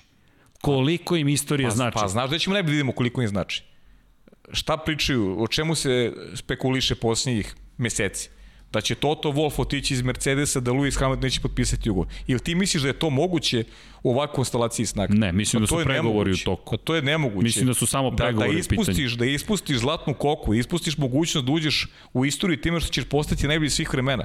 Nema. Pa to, to, to nema, nema, nema šanse pa ne, da se to, to desi. Pa ne postoji novac koji bi to promenio sigurno. Da, da, inače kada pričamo o tom ugovoru, priča se o tome da zapravo će biti toliko plaćen da ćemo svi zapamtiti taj ugovor da. dosta pa, pa imamo dve vrste priče. Imamo priču koja se forsira iz britanskih medija da je već navodno potpisao trogodišnji ugovor. Italijanski mediji navode nešto drugačije da je ponuda na jednu godinu plus moguće da se produži na 2000 23. tako da a, to je spekulacija vezana za, za, za budućnost Luisa Hamiltona. Vidjet ćemo šta će biti, ali očekujemo zvaničnu potvrdu u najskorije vreme, možda već do Bahreina. Da, i ukoliko ne dođe, zapravo da, ovo su predivni kadrovi. Zaista je predivno bilo gledati proslavu, dakle, kako pobedom na takvoj stazi, na takvim gumama, dolaziš do sedme titule šampiona sveta, zaista velik trofej. Zato, zato verujem da ovo je jedna od onih pobjeda koje će se pamtiti. Ne nužno iz perspektive toga da je imao rivala na, na, u konkurenciji konst, oprostite, vozača, već u kontekstu toga da ti u tom momentu imaš titulu već u rukama. Dakle, titula je osvojena, Valtteri Bottas je van poena. Ne moraš ništa da uradiš, ti si osvojio titulu. Ti ideš na to da osvojiš titulu. Slažem se s tobom. Dakle, ne rizikuju toliko ukoliko ne završi trku ili bude problema sa strategijom da će ga neko preteći u šampionatu. Ali opet to olakšanje. Drugo, i ono što je Hamilton rekao, njegova konferencija za, za medije je vrlo indikativna. Koliko on želi zapravo poštovanje. Koliko on želi da dobije priznanje celog sveta da jeste jedan od najboljih. I uporno ga ne dobija. Meni je Sebastian Vettel iskreno jedan od junaka ove trke apsolutno junak. Pa... E, ali ne, ne samo na stazi. Sebastian Vettel je prišao Lewisu Hamiltonu i onaj moment kada mu je čestitao, koja je veličina zapravo Sebastian Vettel i rekao je, privilegija je prisustvovati tome što ti radiš, istoriji koju praviš. I rekao je, što se mene tiče, emotivno Mihael Schumacher će za mene biti za ovek najveći svih vremena. Ali ono što je postigao Lewis Hamilton je najveći svih vremena. To govori čovek koji se borio sa tim istim Hamiltonom da bude prvi koji će doći do pete titule, pa i bio bliži na početku hibridne ere, četiri titule nasuprot jedne, tome da postane novi Mihael Schumacher. Znaš šta je, oni sami između sebe najbolje znaju kakvim kvalitetima rival raspolaže i šta Jeste. su sve doživeli na stazi e, u duelima sa tim, sa tim rivalima, konkretno Vettel sa Lewisom Hamiltonom i način na koji je u krajnjem slučaju gubio e, neke važne momente u, u karijeri u duelu upravo sa čovekom koji je ispisao sada stranicu i najlepše stranice istorije Formule 1. Tako da, ali od nekako Sebastina Fetela očekujemo da ovakve gestove u krajnjem Ma slučaju. neverovatan je kad pogledaš Pravi njegov... sportsmen, definitivno i, i, i pričali smo o tome kako nije imao tu podršku Ferrari, jednostavno se nije nametnuo, e, znaš, ne- nema, nema tu vrstu karaktera kao Mihael Šumacher. Mihael Šumacher je neko A dobro, bio je poseban. lider, Pod- pa- lider je. Mihael Šumacher je neko ko ko ima jasan cilj u svemu i oko organizacije, oko toga kako se ponaša i u medijima. Nekako je Sebastian Vettel je, je drugi, tu- drugi tip čoveka. A ko se ponašao tako? Ja mislim da je Schumacher zapravo savršena kombinacija starog vozača, starog kova i jedne nove generacije koju on stvorio. Dakle, jer Schumacher je taj most između politički korektne Formule 1 i politički vrlo nekorektne Formule Pa 1. manje više, može tako se kaže, on je da, bukvalno. taj prelaz gde je zadržao agresivnost prethodne generacije, gde to udaranje točkovima, točak od točak na stazi, o čemu pričamo, pa to je sastavni deo posla. Jeste, jeste. Dakle, o, tu nema diskusije, nego kako crna kazna, mi tako vozimo. Pa setimo se samo njegov sa Juan Pablo Montoyom u Imoli. Čovjeka isterao sa stazima, on je trepnuo i još kaže, ne, nisam ga video na konferenciji za medije. Pa Montoya kaže, morate da budete izuzetno glupi da me ne vidite, ali to je bila njihova komunikacija. Onda smo došli sad do situaciju da je to nezamislivo da izjaviš. Dakle, jedini Kimi Raikkonen koji se povremeno na, na društvenim mrežama oglasi nekom provokacijom na Instagramu, ali gde smo se sada sveli? Na Instagramu ću te prozvati, okej. dakle, došli smo do Instagram E, generacije drugačije, su, vozača. drugačije su vremena, sad, sad se Tako je. malo i na, i na ono što pratimo i na Askar, to su one izjave Kevina Harvika, najjače, kad poredi moment kad je ušao u taj sport gde su ga svi je. mrzeli i moment kada sada se porodice druže između sebe i kada imaju jednu onako jedna skladna familija je, I je cela. Naskar zajednica i svi su prijatelji. A kaže kad sam ušao ko klinac, svi su me gledali ispod oka i, i ono hteli da me ubiju što se uopšte došao, što im kvarim neku idilu njihovu. Pa Jeffa Gordona nisu podnosili. Jeff Gordon je bio jedan od crna ovca Naskara. Pa i Nije Jimmy Johnsona manje više, da, dakle, to je- Samo što su tad pretili vrlo ozbiljno Jeste. Jeffu Gordonu.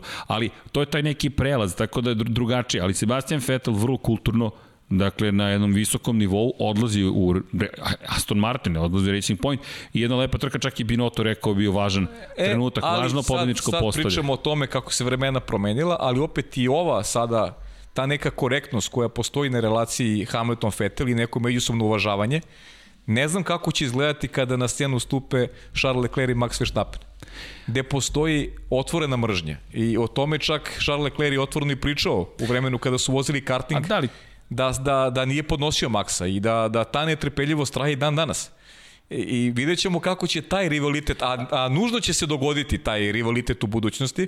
Znači, ovo će svi vozači sići sa scene, pitanje je samo kada, i Lewis Hamilton i Sebastian Vettel, kako će izgledati moment kada ova dvojica budu pa, vodili bitke za Znaš šampionsku šta je titulu. meni zanimljivo? Koliko će biti takav odnos među Fetela i Hamilton, izvinjam se, ukoliko se desi promjena, a to vam je promjena kod sledeće vrste. Dakle, šta će se desiti ukoliko dođeš do toga da zapravo imaš bolid kojim si konkurentan?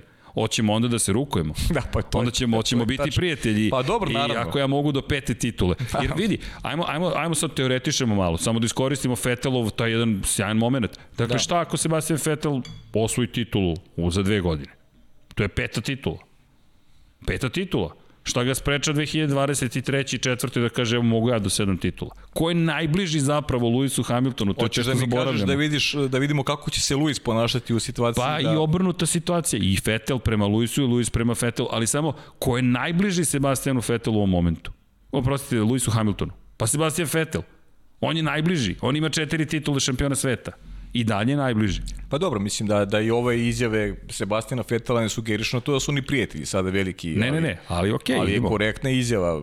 Mislim, sve, sve je lepo u duhu, u nekom sportskom duhu. Meni je super. Pritom, dakle, pritom jeste tačno, Fetel ove godine, ovo mu je najbolji rezultat i pitanje da li će ga ponoviti. Fetel koji je izgubljena sezona I čekamo definitivno. 2022. I naravno mu je lakše sada da čestita kada se on ni, ni za šta nije pitao ovoj sezoni. To je potpuno normalno, ali opet lepo je.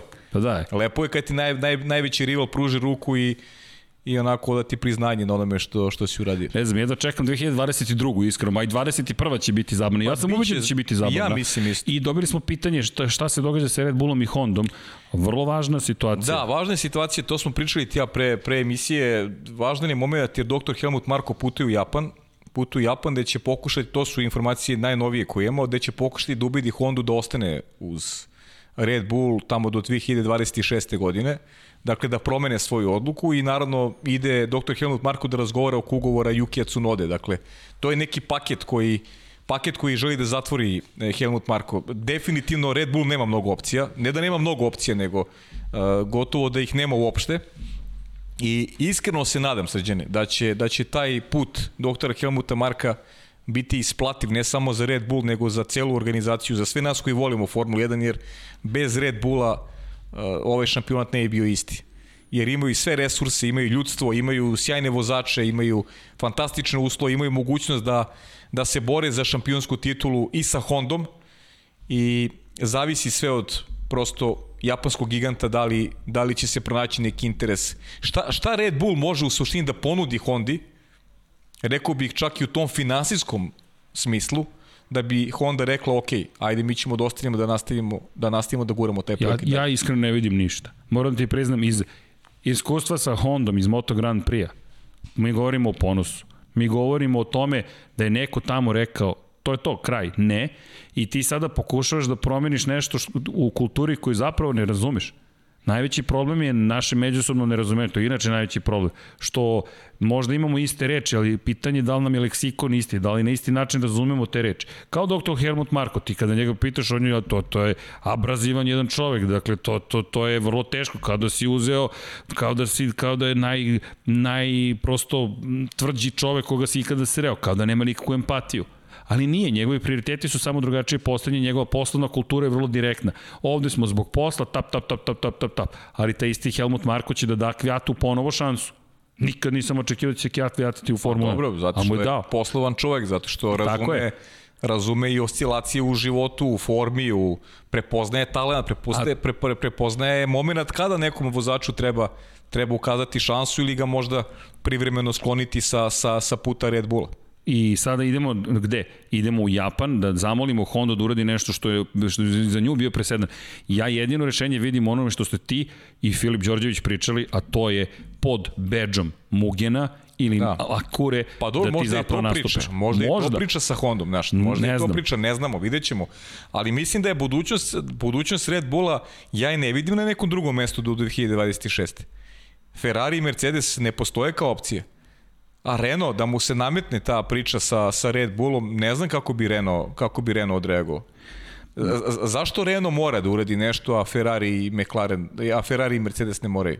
Pa za, pa, pa ajmo, ajmo sada, ajmo, ajmo, ajmo ka, ka tome šta pričam iz perspektive Formula 1 i imidža koji ti želiš da serviraš. Menjaš kao Renault, menjaš ime u Alpina za početak. Dakle, ti, ti menjaš, dovodiš Fernanda Alonso. Ove godine si dva puta bio na pobedničkom postolju i rekao si da si ti posvećen tom projektu. Honda je stalno bila rezervisana, stalno je govorila, vidjet ćemo, vidjet ćemo, vidjet ćemo, vidjet ćemo konstantno. A Renault stalno govori tu smo, ne odustajemo, ne odustajemo, ne odustajemo. Mislim da je to razlika. Ferrari, Ferrari nema izbora. Ferrari jednako Formula 1. Dakle, bukvalno jednako Formula 1. Ferrari nema gde drugde da se takmiči na taj način. Koliko god bi želeli da ih vidimo u IndyCaru, koliko god mi želeli da vidimo Ferrari i vidimo u sportskim automobilima, Ferrari jeste Formula 1 i obrnuto. E sad, Honda, Honda hoću, neću, dođem, odem, hoću, neću, dođem, odem. Renault, kada pogledaš, to je jedna tako bogata istorija. Bogata istorija. Da, da se vratimo, prost je za pričamo o saradnji sa, sa, sa, Sa, sa Red Bullom. Sa Red Bullom. Pa jedino ako te nateraju. O, pa o moranju saradnje. A zašto, e, mislim, zašto bi Renault dozvolio sebi da, da ga neko natera da sarađuje sa nekim s kim neće da sarađuje? To je poenta cele priče. da ono što je tu problem, hajmo ovako, ti ćeš sad imati Alpinu, Red Bull Alpina. Neće biti ni potpisana možda kao Alpina ako se to desi. Biće možda Red Bull opet Tag Heuer, ko što je već bilo. Renault dakle može da kaže, ok, kupili ste, izvolite. Servisno gledano, to je to. Ali mi smo pričali, evo, pričamo, pričali smo o, o mazivima i uljima. Dakle, mi govorimo, eto, iz naše perspektive, evo, mi imamo naših sponzora, imamo kompaniju Molt. Mi sarađujemo sada samo sa njom ovog meseca, dakle, to je to, ekskluzivna saradnja u okviru takozvane kategorije. Ti sad sarađuješ sa proizvođačem maziva određenim ili goriva. Da se vratimo opet na 2014. McLaren je imao Mercedesove motore u toj hibridnoj novoj eri. Međutim, nije ništa mogao da postigne. Gubili su snagu samo zahvaljujući tome što nisu imali Petronasovo gorivo. Imali su Mobil 1 gorivo. Dakle, kao, kao minimalna razlika. Pa da li, to je ogromna razlika. Mi pričamo o vrhu vrhova i još jedna bitna stvar – McLaren koji je to vreme imao nasledđe onaj pull rod suspenzije, to jest oslanjanja koje nije funkcionisao, to zašto su promenili samo oni znaju 2013. i sve se nekako raspalo pa su prešli na Hondu, pa je to sad niz poteza koji su doveli do Renaulta, pa sada ponovo nazad na Mercedes i sad dolaziš do toga da ti i da daš najbolje motore, ti sad treba da opet napraviš cele planove, da prilagodiš ceo bolid, sve to da uradiš, jer te neko naterao, koja će biti tu tehničko-tehnološka saradnja? A mnogo, mnogo ne vidim. široka tema i kažem, čekamo reakciju povrata Helmuta Marka, znaćemo nešto do Bahreina, siguran sam kada je u pitanju budućnost Red Bull. Oston Christian Horner je takođe rekao do kraja novembra imaćemo mnogo da, jasnu sliku, se. čekamo kraj novembra. Inače, tvoj predlog, Red Bull Lamborghini, evo ovde ima podršku, dakle, da, da znaš. Pa dobro, da... to, to, je, to je stara priča, ali sad je trenutno ne vidimo, dakle, do 2026. teško će se dogoditi ulazak nekog novog da, proizvođača u šampionat. Da napomenem, nisam, nismo zaboravili, dakle, kada govorimo o čestici uh, Sebastijana Fetela, nikad nisam rekao da se Fetel ranije nije čestitao ili da ne bi čestitao nekome poraz. Ne, ne, ne, ne, ne. Ne, nego samo način na koji komuniciraju sada je vrlo vrlo je prijatan. Dakle, pojenta je u tome, a ne da neko ne, nekome čestitati. Ne, svako će ovde svakome čestitati. To se baš redko dešava u sportu i to na nivou skandala da neko zapravo ne čestita. Dakle, pričali smo ovde o, o Pistonsima, dakle, taj moment izlaska sa terena se dan danas pamti zato što neko nije čestitao. Ne, svako će čestitati i nismo zaboravili, da. I pozdrav za Dragutina Nikolić, da li me je Vanja klepio posred čela za malo pređašnji incident Pa Klepić će me malo kasnije, dakle, ali hvala za zdravlje, desilo pa se. Pa da, pričali smo, pričali smo o tome pre svega načinu, onome što je rekao vezano za istoriju Sebastian Vettel, jer redko se dešava da, da najveći rival oda tu vrstu priznanja protivniku da je srećan što prisustvuje istoriji generalno, a istoriju gradi neko koji njemu najveći rival na stazi. Iz te prične smo pričali o Sebastinu Fetu, ali meni je mnogo jači utisak kada je Fetel u pitanju to što radio na stazi i kako je trku odvezao i pokazao da je zaista veliki šampion i zaslužio je taj podijum, a Jest. kažem i ti istorijski momenti kada je vezano za Tursku eto samo prati to stvaraju vezu tako između je, njega i Istanbul Park. Pri, pritom i Lewis Hamilton je postao prvi višestruki pobednik Istanbul Parka. Ovo je njegova druga pobeda. Filipe Jest. Massa, eto Filipe Massa ne postoji staza gde je Filipe Massa lider po broju pobjeda, eto Massa je u Istanbulu tri puta pobeđivao, tako da vredi se podsjetiti tih starih. Da, Filipe ova prva pobjeda da. je tu bila. Bukvalno. Problemi za Šumahera Jest. i Filipe koji je proslavio Filipe pobedu. Filipe tri puta zredom pobeđivao Jest. tamo, šeste, sedme i osme. Jedne, Filipe, Filipe Massa zaista po, po mnogo čemu par, pamti po lepom, dakle, jeste, po lepom tu, tu baš pamti, jeste, baš, baš je ovaj, onako i mi pamtimo jeste. njega po lepom najviše iz... iz, iz Tri pobjede za redom impresivan Turske, je bio, zaista jest. je bio impresivan u Turskoj, ali e, kada govorimo o ono što se događalo na stazi. Nemoj zaboraviti Carlosa Sainca. Carlos ne, Sainz, posla, 15 pa je da. startovo, Pavle, za McLaren. McLaren koji, eto, Ferrari tim jednim nevjerojatnim rezultatom, nevjerojatnim, treća, četvrta pozicija, je došao u situaciju da je sada na samo 6 poena od Renaulta, na 19 bodova od McLarena i na 24 poena od Racing Pointa, tri trke pre kraja. Da, sjajno. A McLaren Sjajno, nije McLaren, lošu trku imao. Ne, ne. Sainz, peti, osmi, Lando Norris. Da. Sainz pogotovo, eto, u posljednje vreme vozi dobro, imao jedan podijum, ima kontinuitet jedan odličan, posljednje vreme je bolji od peti, Lando Norrisa. Peti, šesti, sedmi, peti. I malo je nedostalo čak da se da dođe do podijuma. Oni mogu onu gužu da iskoristi u finišu Jeste. trke. On, on, je, on je došao do, tamo do, do, do Leklera, do Fetela. Uključio se u tu borbu u finišu trke. Bio jako brz u, u samom finišu, koristio činjenicu da ima čistu stazu ispred sebe i te gume koje su, koje su mučile Serhija Pereza su nam omogućile pravu zabu na kraju trke. Na njegov, na, na, na McLaren u ovom momentu se oslanja u velikoj meri na, na, na zapravo Sainca. Kada pogledaš prethodne četiri trke. Pa te, te tri ekipe koje se bore za, za treće mesto, sada eto imamo i Ferrari, oslanjaju da, se, o, i Ferrari. oslanjaju se na, na, na po jednog vozača, generalno. Norris... Norris je slabija je forma u drugom delu godine. Jeste. O, Lensu Stroll neće da pričam, dužno poštovanje prema, prema tom podijumu koji imao, tačnije prema pol poziciji, ali generalno ovo je bila prva trka za Lensa Strolla koji je završio u poenima posle pet od. Od trećeg mesta zapravo u Italiji. Tako je. Od, od onda izletanje sa staznim Perez, ovo je šesta COVID. vezana trka da je on završio među deset najboljih. Sergio Perez je četvrti u šampionatu sveta. Tako je. Sergio Perez u svim trkama u kojima je vozio je osvojio poene. Dakle, Sergio Perez nema ni jednu trku ove godine da nije među vodećih 10 vozača. Mi, sjajno, sjajno. mi govorimo o nečemu što je postigao samo još Lewis Hamilton. Dakle, kada pogledaš celu sezonu... Pa, uklapa se u onu priču koju smo Hamilton i on. koju apostrofiramo od starta godine kada se povela oko budućnosti Racing Pointa Aston Martina da je on čovek koji po rezultatima, kvalitetu zaslužuje to mesto u ekipi, ali i sada sam i dalje stojim pri onoj teoriji da načina koji je on oteran i moment koji je izabran da se uh, saopšti da Lance Stroll ostaje u ekipi je onako baš problematično. Pažljivo biran, pažljivo da. biran. Dakle, okay, najbolji rezultat. ja sam, gledaš, pa, da, da, da, baš gledam okay. iz te perspektive.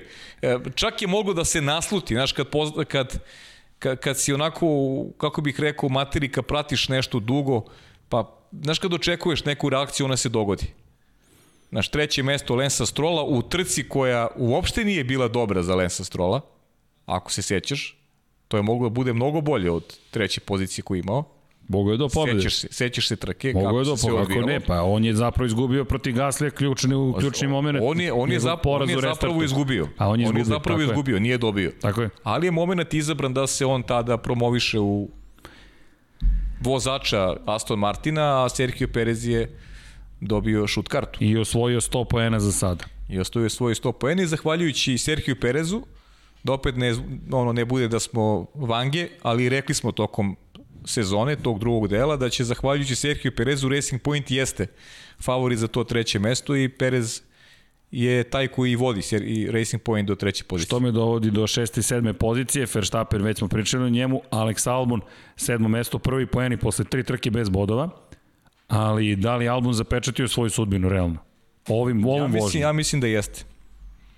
Ja mislim da jeste. Jer šta, zašto bi ostao više u ovoj ekipi? A da, ali, ali to, šta znači to? Odlazak iz Formule 1? U ovom trenutku da. I pričali smo ja ne vidim. u onom prošlom podcastu smo govorili, samo je stav Red Bulla sada važan. Šta oni traže?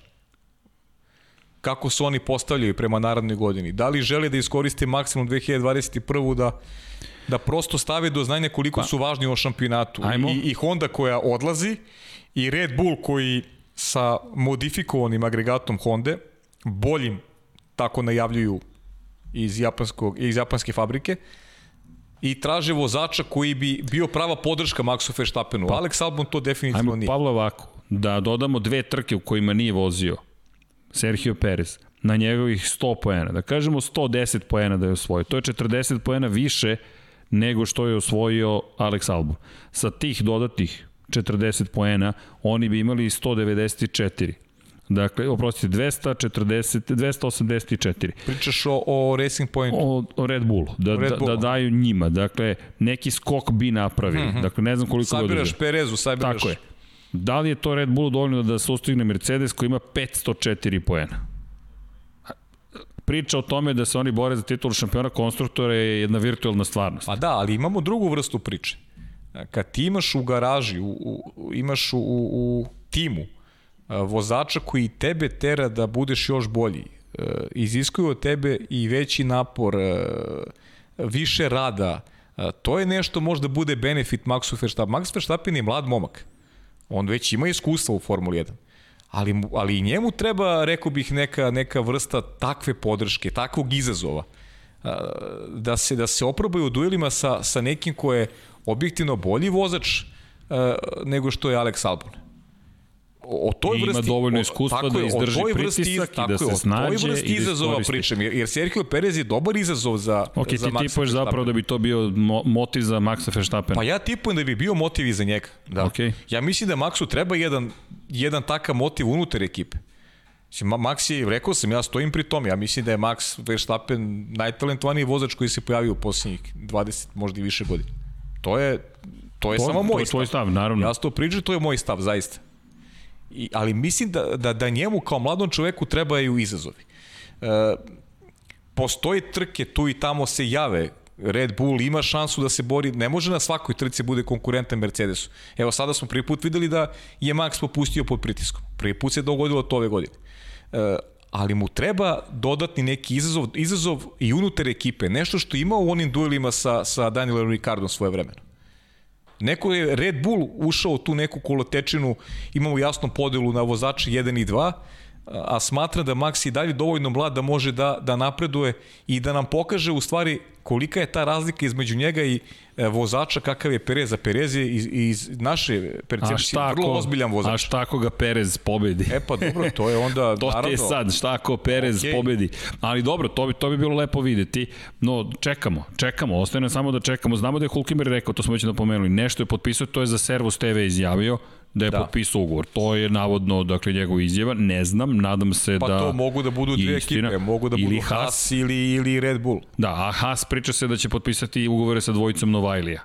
Tako da on Novajlija nije, možda bi to moglo značiti da je za Red Bull potpisao.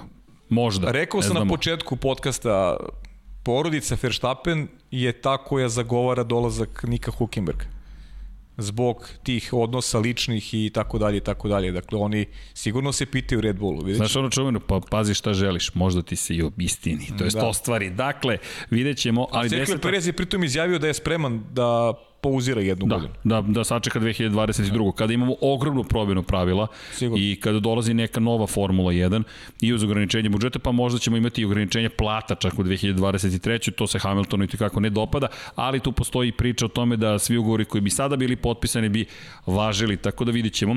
Kada govorimo o 10. 11. poziciji, Daniel Ricardo, Esteban Ocon, katastrofa za Renault.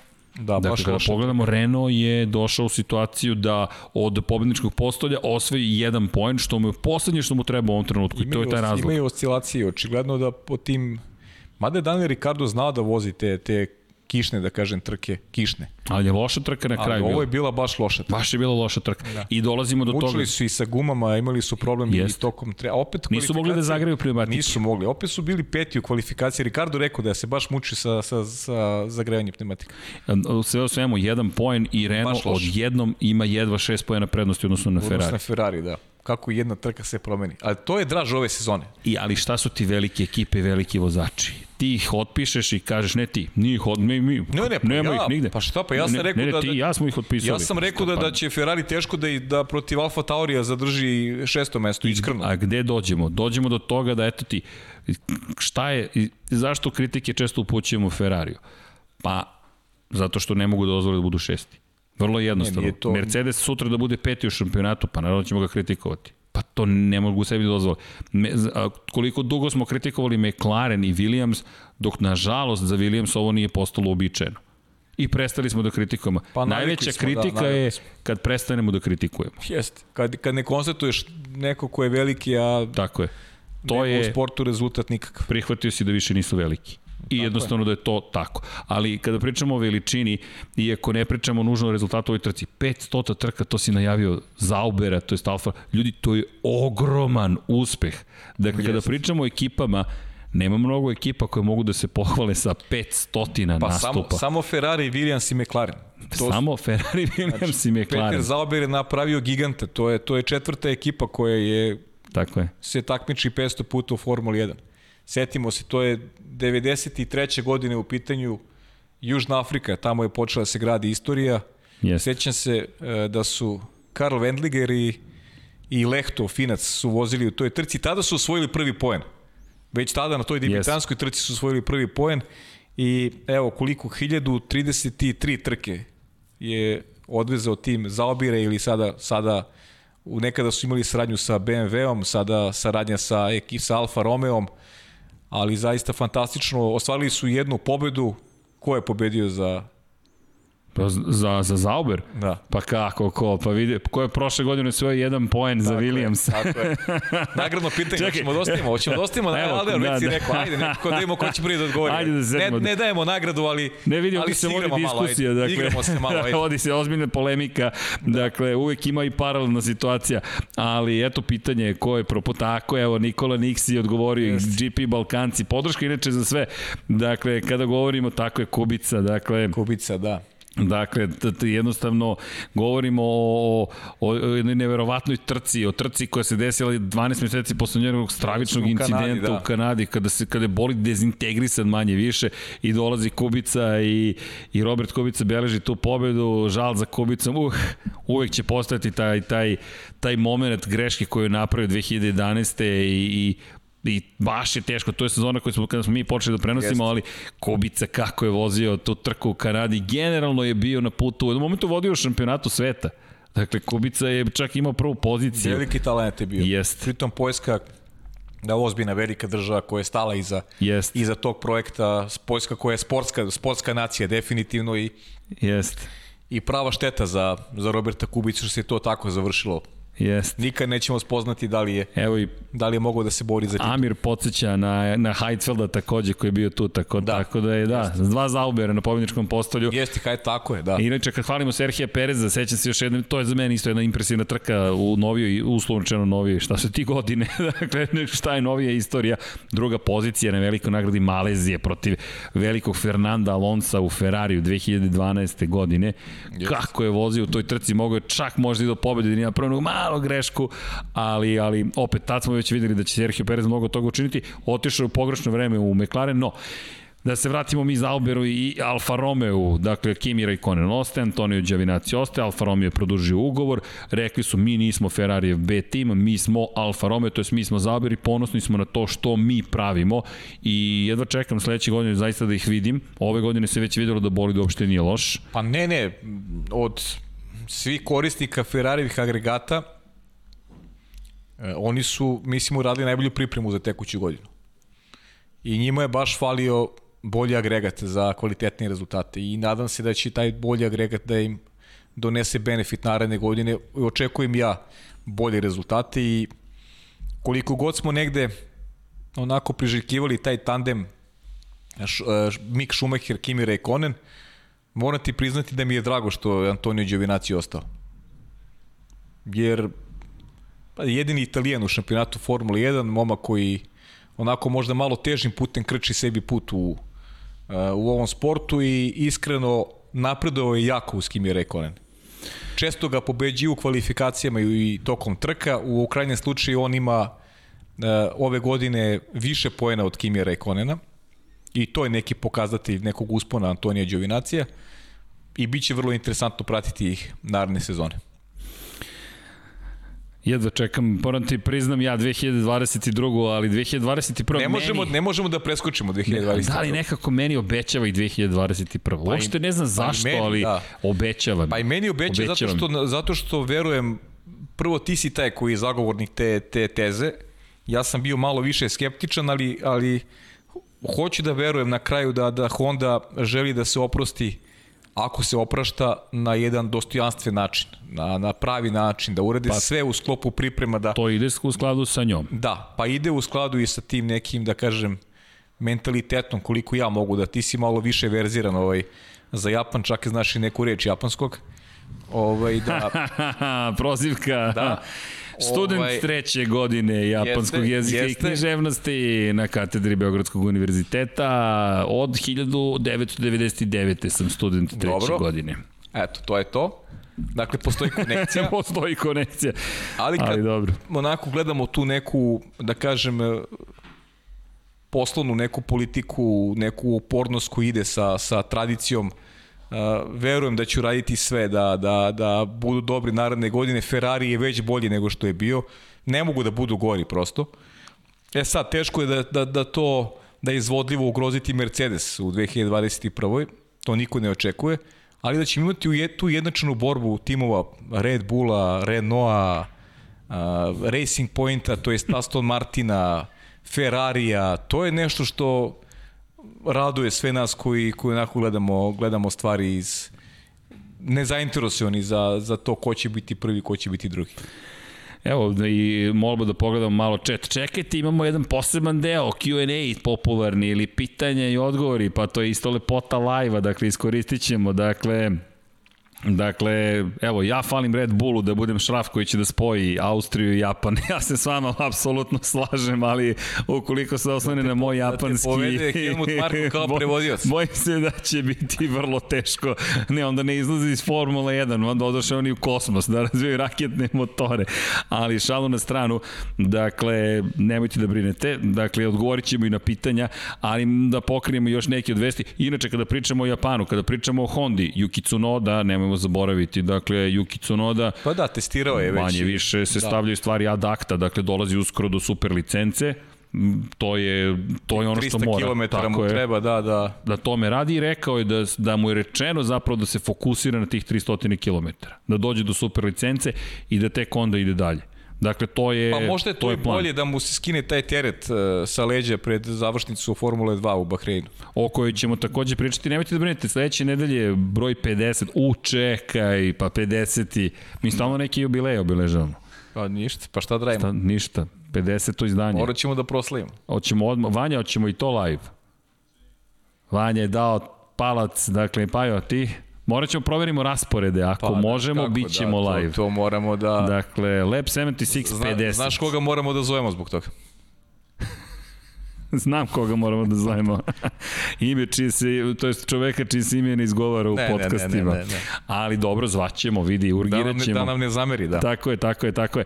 Dakle, da, za 50. ćemo da se spremimo posebno jubilej, da proslavimo kako treba. Dakle, imali smo rođendan, eto, jubilej ćemo da proslavimo, vidjet ćemo Vanji, moramo da vidimo ko će da nam se pridruži, dakle, za to 50. izdanje. Ili ćemo možda samo ti i ja. Srle i Pajče. Dobili smo i majice, Dom Pablo je spremio majice. Srle i Pajče, da. Da, da, to... ne znam pa ne da se smijem ili da se rade. Možemo za to 50. izdanje. Da, da, rekao je, nemojte da me zovete ako, ni, ako mi ne najavite na vreme. Ali da se vratimo mi Formuli 1, dakle, da napomenemo Alfa Romeo bez bodova, 15. pozicija i jedno odustajanje Đovinaci koji je odustao. Alfa Tauri nismo spomenuli kada spomenjamo Cunodu, loša, baš loša trka za Alfa Tauri. Posle onako lepog nastupa, pogotovo Kvijata u Imoli, činjenica odustajanja usled kvara Gaslija, veoma loše izdanje, 12. i 13. pozicija, ali nisu ličeni na sebe, nekako nisu imali brzinu celog vikenda, Alfa Tauri nije, nije to bilo to kada, kada pogledamo pređašnje rezultate i dosta veliko razočaranje. Prvi put ove sezone od još treće trke, velike nagrade Mađarske da nisu osvojili poen. I Pierre Gasly zbog tehničkih problema imao startove sa začelja, tako da i to kompromitovalo Da, to nismo ispričali. Trku, Počeli da. su da mu menjaju motor, to je Jest. zanimljivo. A to je zanimljivo. Te, to je, počeli su da menjaju pa, motor pričali smo u prenosu, i onda da. odustali od promene motora da. i naravno da redari nisu bili zadovoljni, rekli su ok, to je protiv pravilnika, ideš na začelje. Jeste da je ogromna šteta. Pa zato što je to protumačeno kao da su to uradili ne iz potrebe, nego iz objektivne potrebe, već iz taktičkih razloga i zbog toga Tako su je. ga i zbog toga su ga prebacili u zadnji i posljednji red i to je naravno kompromitovalo njegovu treku u startu pa a inače Daniel Kvjat Daniel Kvjat nije neko ko ove godine je na da kažem nekoj, nekoj formi uh, gde postoji jedna, jedna stabilnost kada govorimo o rezultatima i njegovim vožnjama. Ne može Alfa Tauri da su popunosti osloni na e, kontinuitet e, rezultata e, Danila Kvjata, opet i logično negde sređene Pierre Gasly posle onog triumfa da je došao malo i do tog emotivnog pražnjenja i to je sklonije, rekao bi, greškama nakon prve pobede koju ima u karijeri. Ali nije mu, nije mu negde zameriti, rekao bih. Dobro, i takve trke se događaju. Prosto pa, konstatujemo da, logično. da, eto, Alfa Tauri ovoga puta nije bilo. Pritom i ne snalaze se svi u tim promenljivim vremenskim uslovima i to treba reći. Da, nećemo još da najavljamo baš Bahrein, ali tamo, tamo biste mogli očekivati da bude vrlo ozbiljna situacija kada govorimo o, o, o Alfa Tauriju. To da. će biti pogotovo druga trka, trka čiste snage. Međutim, hajde da sačekamo sledeću nedelju to 50 izdanje, pa će malo više pričamo o najavi. Kada govorimo još o preostalim ekipama, dakle, kada govorimo o Hasu i Williamsu, malo toga što može da se kaže, Has koji je čak i imao šansu sa Kevinom Magnusenom, šteta zaglavljen je bio zapravo zavrten, to je matica je zaglavljena bila na zadnjem levom točku i zaustavili su ga na izlazu iz pitlane, rekli su mu da se parkira, ali lepo je vozio Kevin Magnussen, lepo je branio svoju poziciju i imao šansu čak i da osvoji poene. Da, dobar je bio Kevin Magnussen, teško je tim vozačima, siguran sam, koji su svesni da, da više, je, to je to. Kraj sezone, kraj karijere vozača u Formuli 1, možda povratak jednog dana, ali ne verujem, ni Kevin Magnussen ni Roman Grosjean da će se vratiti, tako da opet ona priča o želji da se do kraja ostavi što bolji utisak e, u okolnostima koji nisu dobre za Haas. Haas je ove godine, ja ih svrstam u, u koš sa, sa Williamsom. Čak od Williamsa vidimo i neki pomak odnosno na prošlu godinu, a Haas nekako tone kao ekipa i vidjet ćemo šta će sa tom mladom postavom. Mada ja srđan nisam siguran da će to biti u potpunosti mlada postava, već i dalje verujem u kombinaciju jednog iskusnog, jednog mlađeg vozača. E, Mik Schumacher u kombinaciji sa nekim od iskusnih. Da, to ćemo ne verujem da će osloniti na, na recimo... Videti. Pa znaš kako, Binoto je rekao da će, da će do kraja novembra reći koji vozač iz Akademije ulazi u Formulu 1. Ali kroz njegovu izjavu čini mi se da, da je rekao jedan vozač da nisu da nije u pitanju više njih tako da bi Kajlo Majlot verovatno i Robert Schwarzman ostali i dalje u Formuli 2 u 2000 21. uz onaj modifikovani sistem takmičenja sa sedam vikenda trkačkih u uh, Formuli 3, sa, sa 8 u Formuli 2. Mislim da će to biti njihova nova prilika da se izbore tamo 2022. možda se nađu u tom šampionatu. Dobro, imamo još par stvari. Dakle, Ajde to su pitanja i odgovori. Mi imamo i puno stvari, naravno, uvek, ali kada ste već smo tu... Smo obrnuli sve teme, a? A ne znam da smo obrnuli sve teme, ali da iskoristimo priliku kada je već tu grupa, dakle, koja s interesovanjem prati gledalaca, ljudi, imate vi neka pitanja, dakle... Nismo rekli za. Nikitu Mazepina, nismo pričali.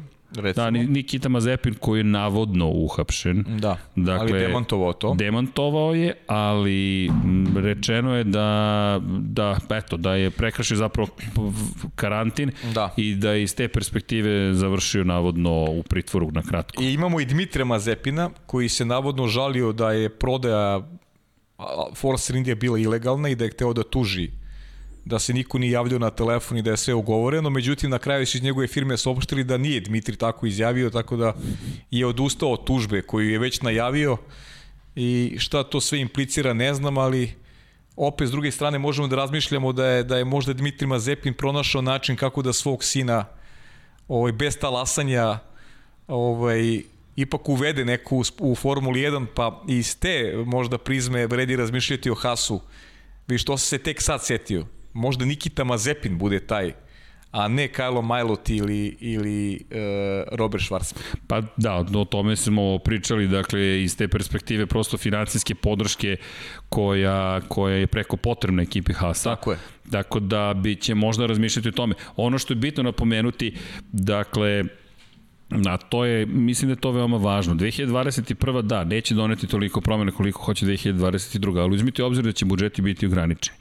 Dakle, iz te perspektive mi ne znamo kako će se ekipe snaći. Kada pogledamo kako funkcioniš Alfa Tauri u inače malim budžetima, činjenica je da, da deluje kao tim koji bi mogao mnogo toga. Ukoliko, sad pazite, ovo su pretpostavke, Honda zaista investira mnogo i da ne samo novac, već i svoje resurse u kontekstu inženjera koji su koji će biti povučeni na druge projekte. Jer ovde je pitanje inženjera.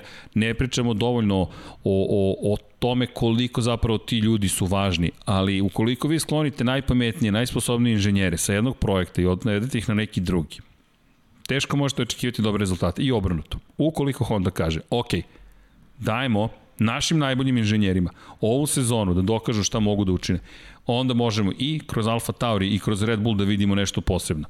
Naravno, pod uslovom da je Honda zaista spremna da to učini. E sad, kada govorimo o, o ostalima, uveliko je Mercedes počeo razvoj bolida za 2021. Znamo koliko je moćan Mercedes, pogotovo na početku sezone. To je ono što je Max Verstappen tražio da se promeni i rekao je da želi da Red Bull promeni svoj pristup, da početak sezone bude mnogo jači. Slična je priča i sa ostalima.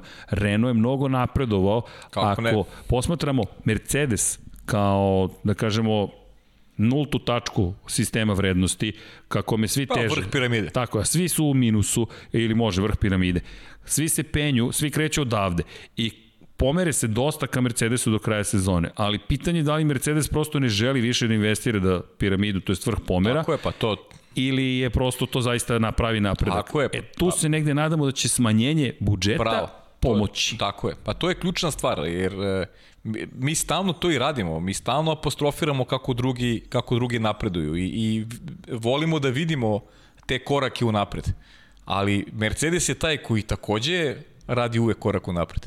I ispostavi se da su oni uradili ne jedan, nego dva koraka napred. I to je nešto se ponavlja već godinama unazad. Imali smo par interesantnih sezona, sada zaključno sa tom 2018. godinom kada je to je bio posljednji trza Ferrarija, konkretno ta trka u Monci, zašto je stalno apostrofiran, jer e, Ferrari ugašen bio tom trkom u Monci, nestao sa scene. Nestao. Evo sad pokazuje neke znake života posle toliko vremena. I prošla godina je za Ferrari bila, ne zaborimo, jako loša i mislili smo da ne može da bude gora od 2019. Pa se ispostavilo da je još gore od, od ove. Imali su taj jedan moment, znamo i sami šta se dešavalo oko tih e, tehničkih stvari, da se, da se sada ne vraćamo unazad, ali e, generalno Mercedes je taj koji je postio visoke standarde koje drugi teško prate. I to je suština onoga što gledamo u prethodnih 7 godina. Da vidimo da će neka promena se desiti. Ok, imamo pitanje inače, Ajde. dakle da krenemo od pitanja, pitanja samo da nađem koje je bilo prvo pitanje, da li ima šanse da prenosimo GT trke Nažalost, mislim da to teško. Dakle, Ali ne to- znam ni kad bismo uspeli sve to da, Da. izvedemo. Pa mislim, ko, mi kao sport klub verovatno i postoje šanse. Mislim, Da, ali nas nikad ne zna, dvojica, ali nas dvojica ne znam da li možemo da da Teško, budemo isto da. vreme na isto Pa, teško, mesto. E, zaista. kada se spomenju GT trke, pa hajde da iskoristimo jedan lep moment da spomenemo i, i, i dakle, Da, inače, aha, kaže mi Irena, to jest kaže mi Dom Pablo ovde, ko mi je ovde rekao, dakle šta? Milica, ko mi se javio, da imamo tri dame ovde, jednog muškarca, Dom Pabla i imamo Vanju. Dakle, Milica, Ivana, Ivan i Milica su zapravo odgovorni za majice. Okej, hvala. Dakle, dobro, šta kaže Dom Pablo? Dobro, hvala. Hvala, hvala. Dobro, ok, šta kaže Irena? Da, to je tačno. Sve, svo četvoro daju potvrdu. Dakle, eto, izvinjavam se, čisto da budemo načisto. Ivana i Ivan i Milica su odgovorni Hvala, za majice. hvala. Dobro, da Hvala ne Milici, bude greški. hvala Milici i Ivanu. Grešaka, dakle, ali da se vratimo da, na nešto što sam teo da spomenem, a to jeste Miloš Pavlović. Zašto Miloš A, da. Pavlović? Pa Miloš je vozio poslednju trku sezone, dakle, i došao je do poena na poslednjoj trci Lamborghini super trofej, dakle super trofeo, Paul Ricard staza i eto imali smo priliku da ispratimo do nekli njegovu sezonu. Bilo baš teška godina, inače Raul Guzman je moj grozni incident na prethodnoj trci, tako da kada govorimo o, o ovoj, bilo je baš zahtevno, inače potpuno su im od, novim od, automobil kupili i to je bilo divno vidjeti podršku, tu vrstu podršku ekipe, inače sa sedme pozicije krenuli i na kraju nisu baš uspeli da, da zabeleže željenu pobedu, ali do treće pozicije su stigli na, na kraju kruga, međutim, napravili malu grešku i na kraju bili peti, tako da više da pozdravimo gospodina Pavlovića, čestitke. Veliki, veliki pozdrav Inače, za Miloša i nadamo se da će nas se pridružiti. Imamo potvrdu da će nam se Ili imamo pridružiti. potvrdu. Tako je. Sjajne vesti, sjajne tako vesti. da, eto lepih vesti, tako da znate, eto čuli ste sada Sjajne upravo, vesti. gospodin Miloš Pavlović se javio, gospodin Deki Potkonjak i on su baš prijatelji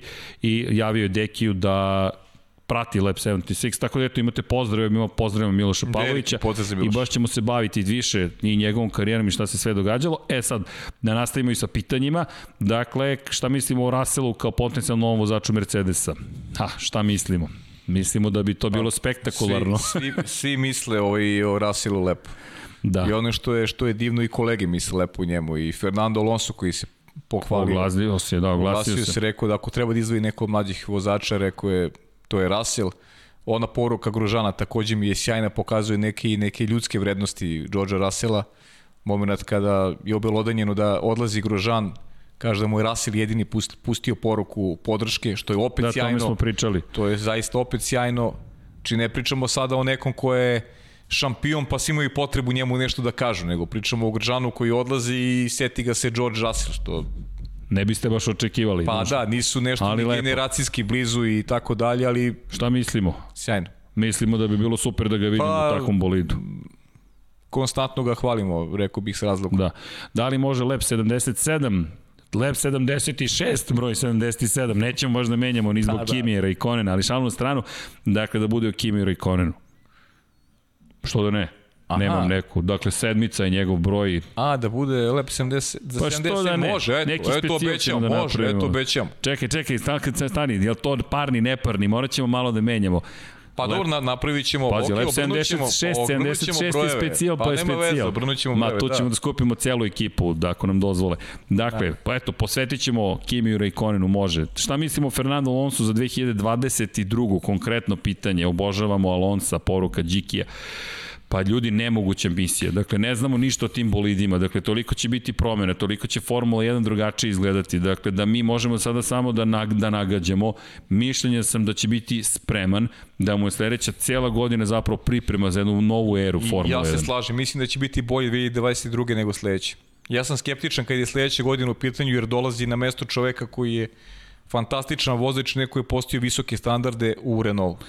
I Ko- bit će mu teško, bit će mu teško naredne godine, siguran sam. Da li 2022. ok, pazi, ući će u petu deceniju, pa i to da vidimo kako će se odraziti. Tako je, naravno. Ne znamo, ali zaista teško je da, da, da teško nam je, to nam je baš najteže da predvidimo, jer toliko stvari će se promeniti u 2022.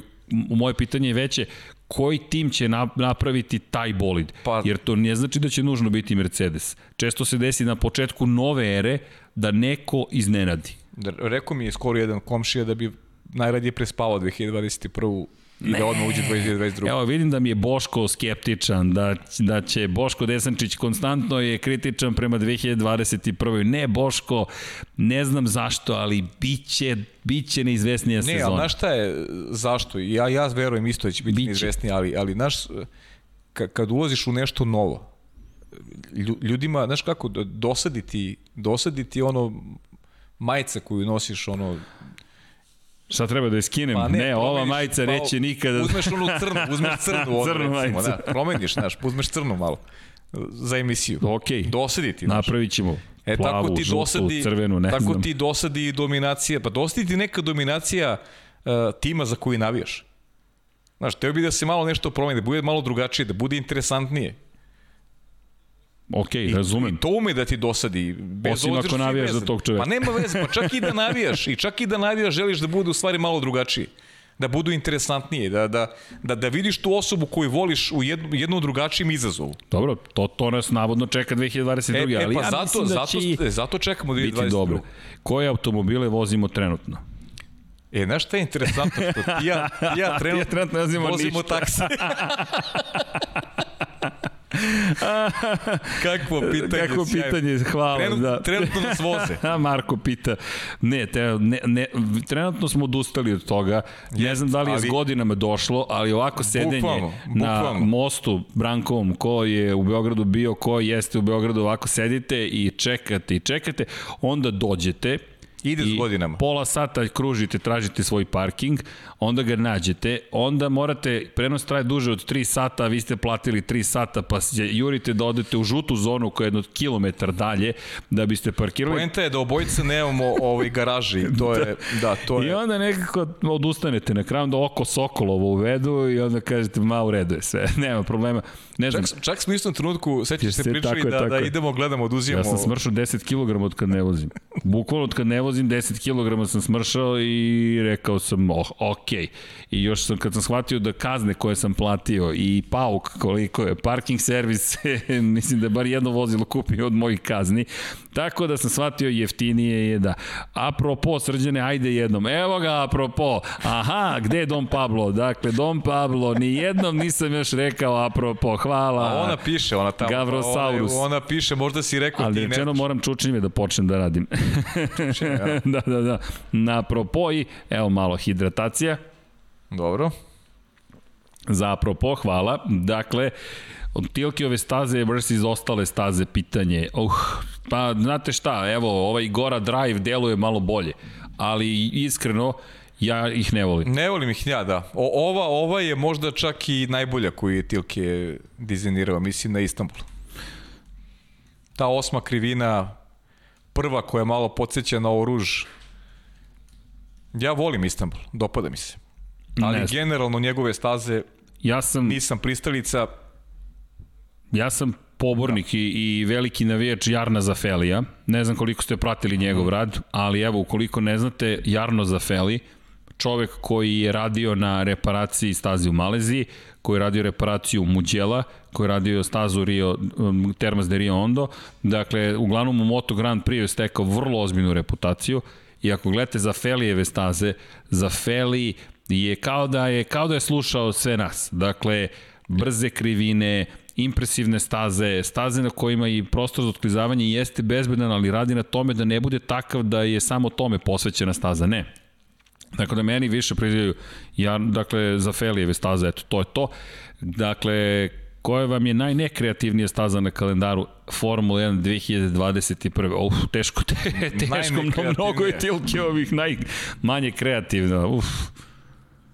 Pa ne znam. Pa ne znam, sad. koju... Najmanje kreativno. Da. Vanja, može kalendar, molim kalendar, te. Čekaj, stvarno, da, daj, bravo. molim te. Čekaj, bravo, Vanja. Sad. Najmanje kreativna. O, pa je, odakle da krenemo? Čekaj, čekaj, čekaj. Australija, Bahrein, Kina, nešto što će menjati Vjetnam, pa Španija, Monako, Azerbejdžan, Austrija, Kanada, Austrija, Saudijska Arabija, Brazil, Meksiko. Kako teško yes. pitanje. Pa teško pitanje. teško pitanje. Teško je pitanje. Pa pazi, najbezbednije je Saudijska Arabija, nismo tamo nikad bili, nemamo da, pojma. Da, da, ne znam, da, da. Ali šalu na stranu. Ne znam, pa, zaista. ne znam, i meni teško da govorim, baš. Najmanje kreativna, pa naj, gde, su, gde očekujem najdosadnije trke ili pa, najmanje su, kreativna? Pa da. najdosadnije trke možda bolji. A meni o, možda Rusija, moram da ti priznam. Pa ali Rusija, pa meni su, meni i Mađarska onako prvi, znaš, da, ali donela mi neke dobre trke. Hungaroring posljednjih pet godina, ali generalno, ja generalno ne volim baš Hungaroring, iskreno. dakle, da, šta mislimo o Russellu, to smo već spomenuli. Dakle, uh, pobeže mi Dakle, ovde je malo je chat. Dakle, mogli bi smo jednu od svoju prvu trku trsku koju ste radili da pustimo jednog vikenda. Ja ne znam da li postoji taj snimak u... Pa pušt, nešto se puštalo, ne znam dokle se stiglo. Ovo sad su stvari ne pušte više. Ja mislim 2011. da ne postoji. Da ne postoji, moguće. Dakle, da. Evo, to opet mora da pitamo čoveka čije ime nećemo da izgovorimo. Da. Dobro. Dobro, Jasne. proverit ćemo. Eto, da li pa Sainz predstavlja opasnost za Klera? Bravo, Zorane, za pitanje. Da li predstavlja opasnost pa, za Klera? Pa tebi se sviđa pitanje, da, ali da. tu se ne slažemo ti ja. Ti da. misliš da, da jeste opasnost, ja mislim da nije.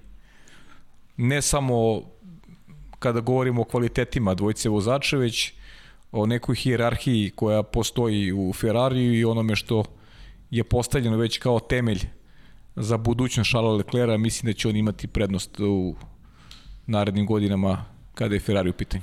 Da, moguće, moguće, ja i dalje A verujem. A to je samo opet lični neki utisak, neko, neka Ovo su naša mišljenja. Dakle, mišljenja samo. Ljudi, dajemo. nemojte da se ljutite na, na nečije mišljenje. Znam da ima reakcija Ne, pa to su da. razmišljenja, dakle, Tako naglas.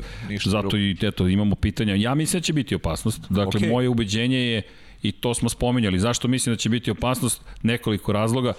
Carlos Sainz je neko ko dolazi iz vrlo ozbiljne trkačke porodice, njegov otac Carlos Sainz je izuzetno uticajan, priča se da će biti i sledeći predsednik Međunarodne automobilske federacije, dakle da će zameniti Žana Toda, ima veze sa španskom kraljevskom porodicom kada govorimo o njegovoj brzini, konstantan je kao što možete vidjeti, peti je sada bio krenuo 15. i mislim da od njega upravo zato što se ne očekuje da ćemo doći u situaciju da će Sainz pokušati da se nametne. Slažem se s tom da politički gledano unutar strukture Ferrarija to neće baš naići tako lako na odobravanje, Teško. ali činjenica je da postoje ozbiljne veze i Ferrari koji nije još uvek uspostavi jasnu priču, to je isto razlika. Da li si za jednog ili za drugog vozača, da tu može da se stvori vrlo jedna dinamična situacija, tako da mislim da će biti opasan.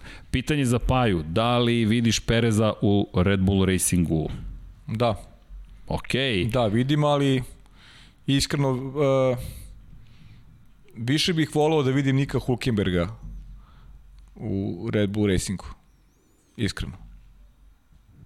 Mislim da će biti Perez, ali više bih volao Nika Hulkenberga.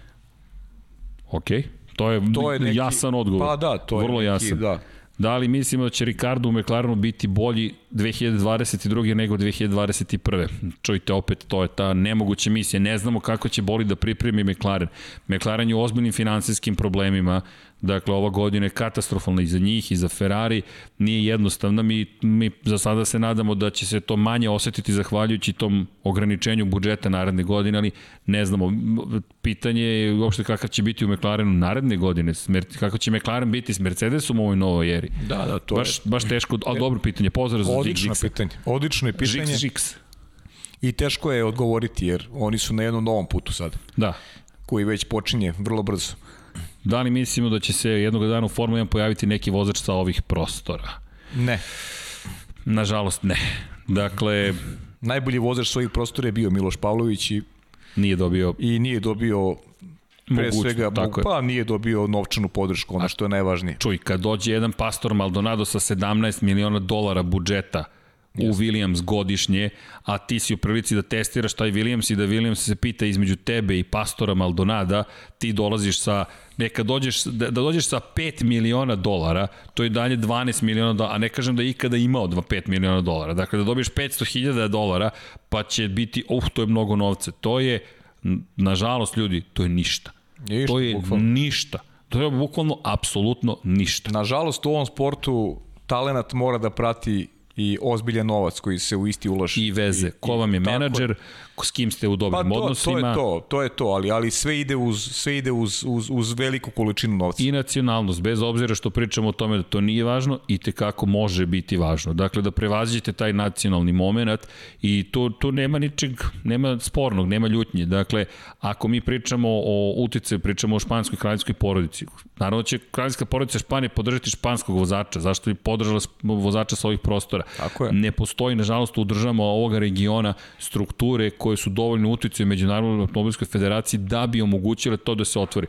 Dakle, čisto poređenje radi, ako pričamo o uticaju, najveći uticaj koji sam ja video sa ovih prostora da neko imao jeste u FIBI, dakle Međunarodnoj košarkaškoj federaciji, gde je jedan Boras Tanković imao takav uticaj da vi možete da pričate o tome da će da može da utiče na neke stvari ali kada vi to nemate u FI, koje su šanse? Imate Žana Toda koji je francus, pa ko, imate e, situaciju koju je Nikola Stod vrlo uticajan menadžer, dakle koga će da podrži? Hoće Francuza ili će Paju i mene? Pa koliko god da nas volim, pa zna da. se kako to funkcioniše. I to nije samo pitanje nacije na nivou nacije, već, pa dobro, koji će sponzori stati uz nas?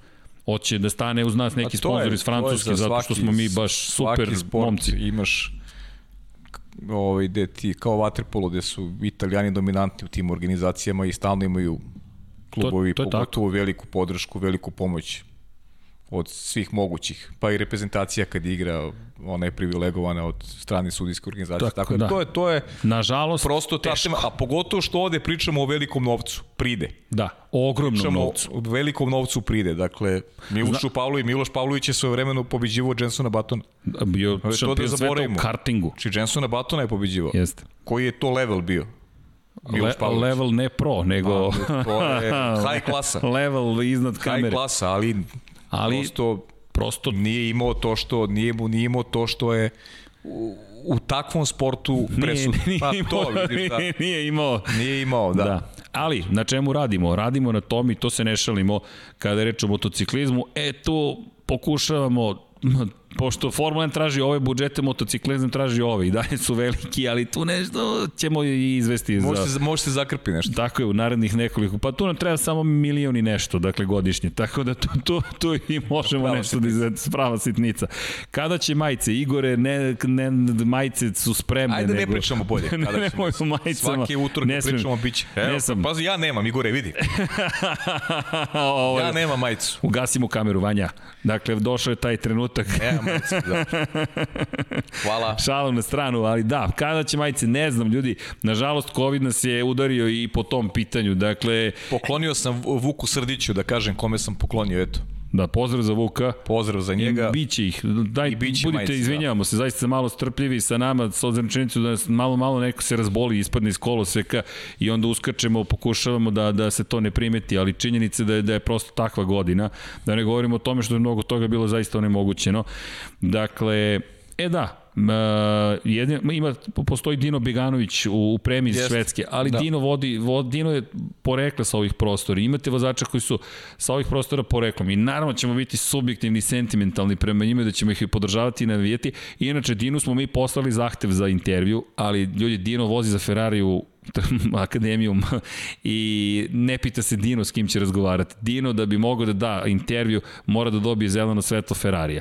To nije tako lako, ali polako kada Ferrari čuje za Lab 76, a čuće, dakle izgradit ćemo i te odnose, onda se nadam da će nam dati Kad, intervju. kad budu čuli kako smo ih hvalili, onda će nam sigurno dati. Da rećemo, stop, a vi Binotu imate, ti si, vi ste tražili da bude, da bude da da otkaz.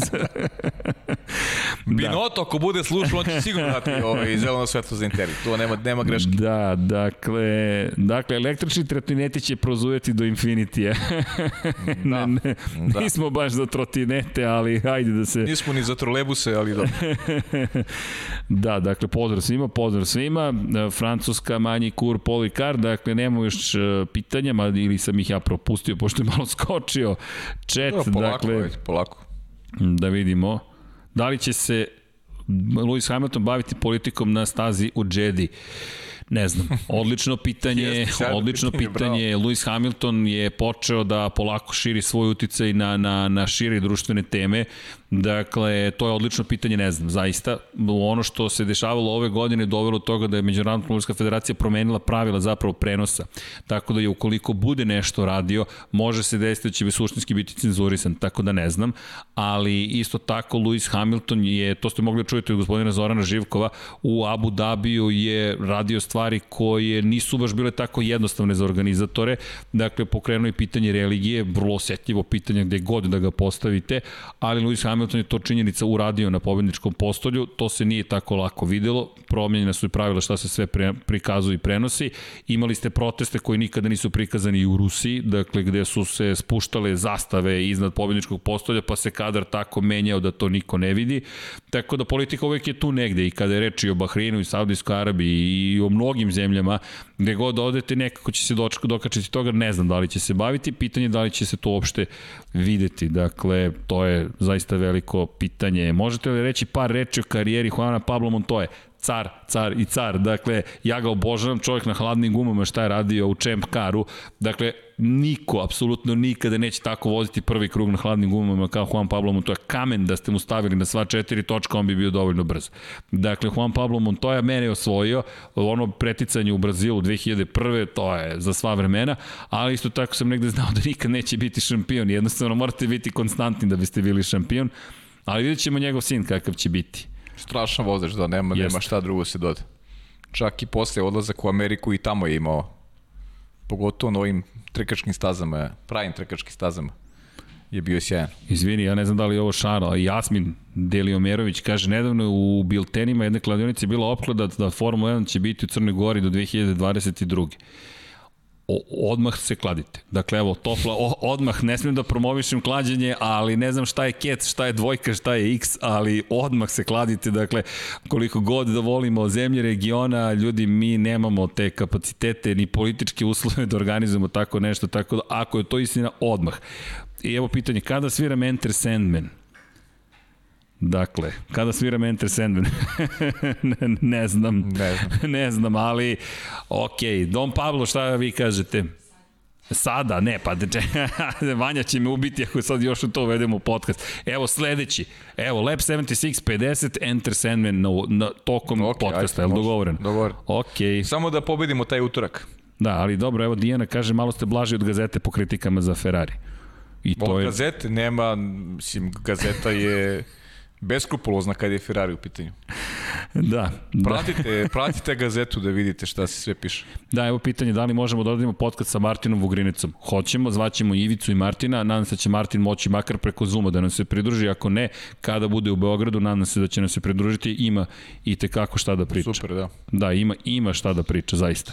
Dakle, da li ima još nešto što sam pitanje za obojicu, da li mislimo da je Perez pretnja za Maksa kada bi došao, mislim da si odgovorio, da bi mogao biti neka vrsta pretnje.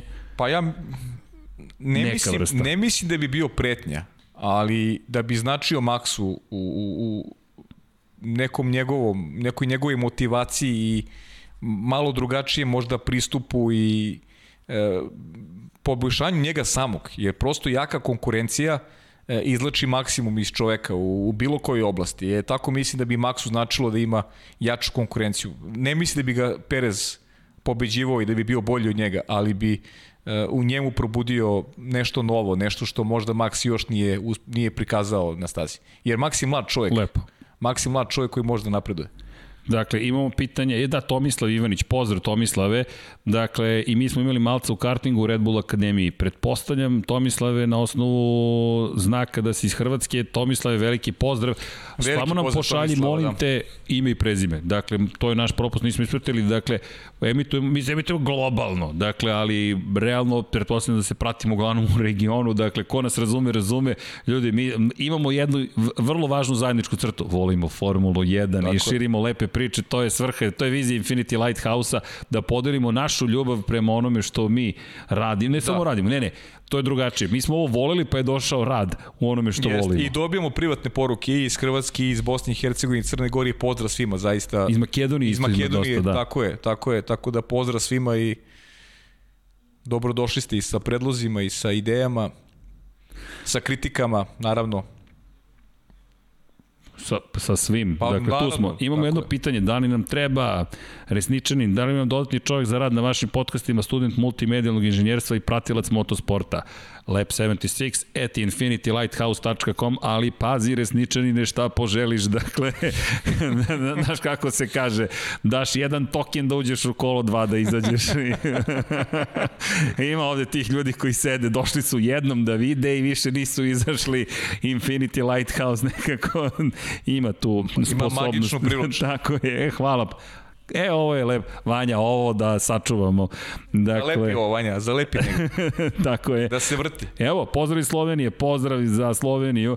Da li pra, I da li pratimo dešavanje na stazi Grobnik. Dakle, pokušavamo i to da ispratimo da NASCAR i to ćemo pratiti u sledećeg godine nadam se da ćemo imati više resursa što bi, što bi se i iz Irske se pratimo ha, pa pozdrav za Irsku dakle Živjela Irska.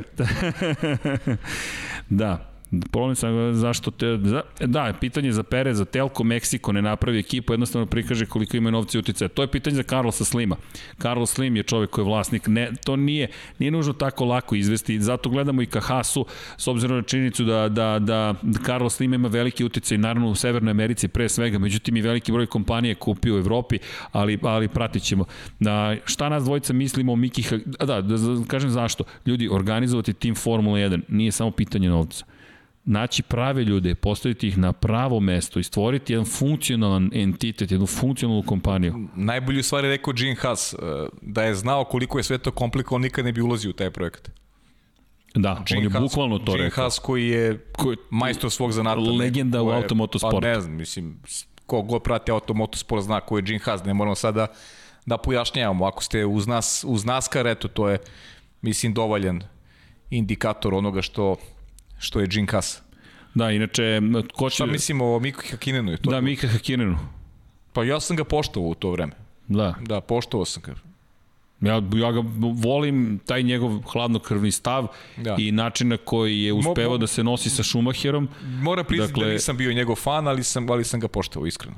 da prosto za mene, kažem, to je ostavio trag u meni, taj, taj, taj njegov hladnokrvni moment, to nekako mi posmatramo tipično finski, ali da. hladnokrvnost i način kada je ovo pretekao Schumachera u Belgiji i došao da mu objašnjava, znaš, ja sam ovde, ti si ovde.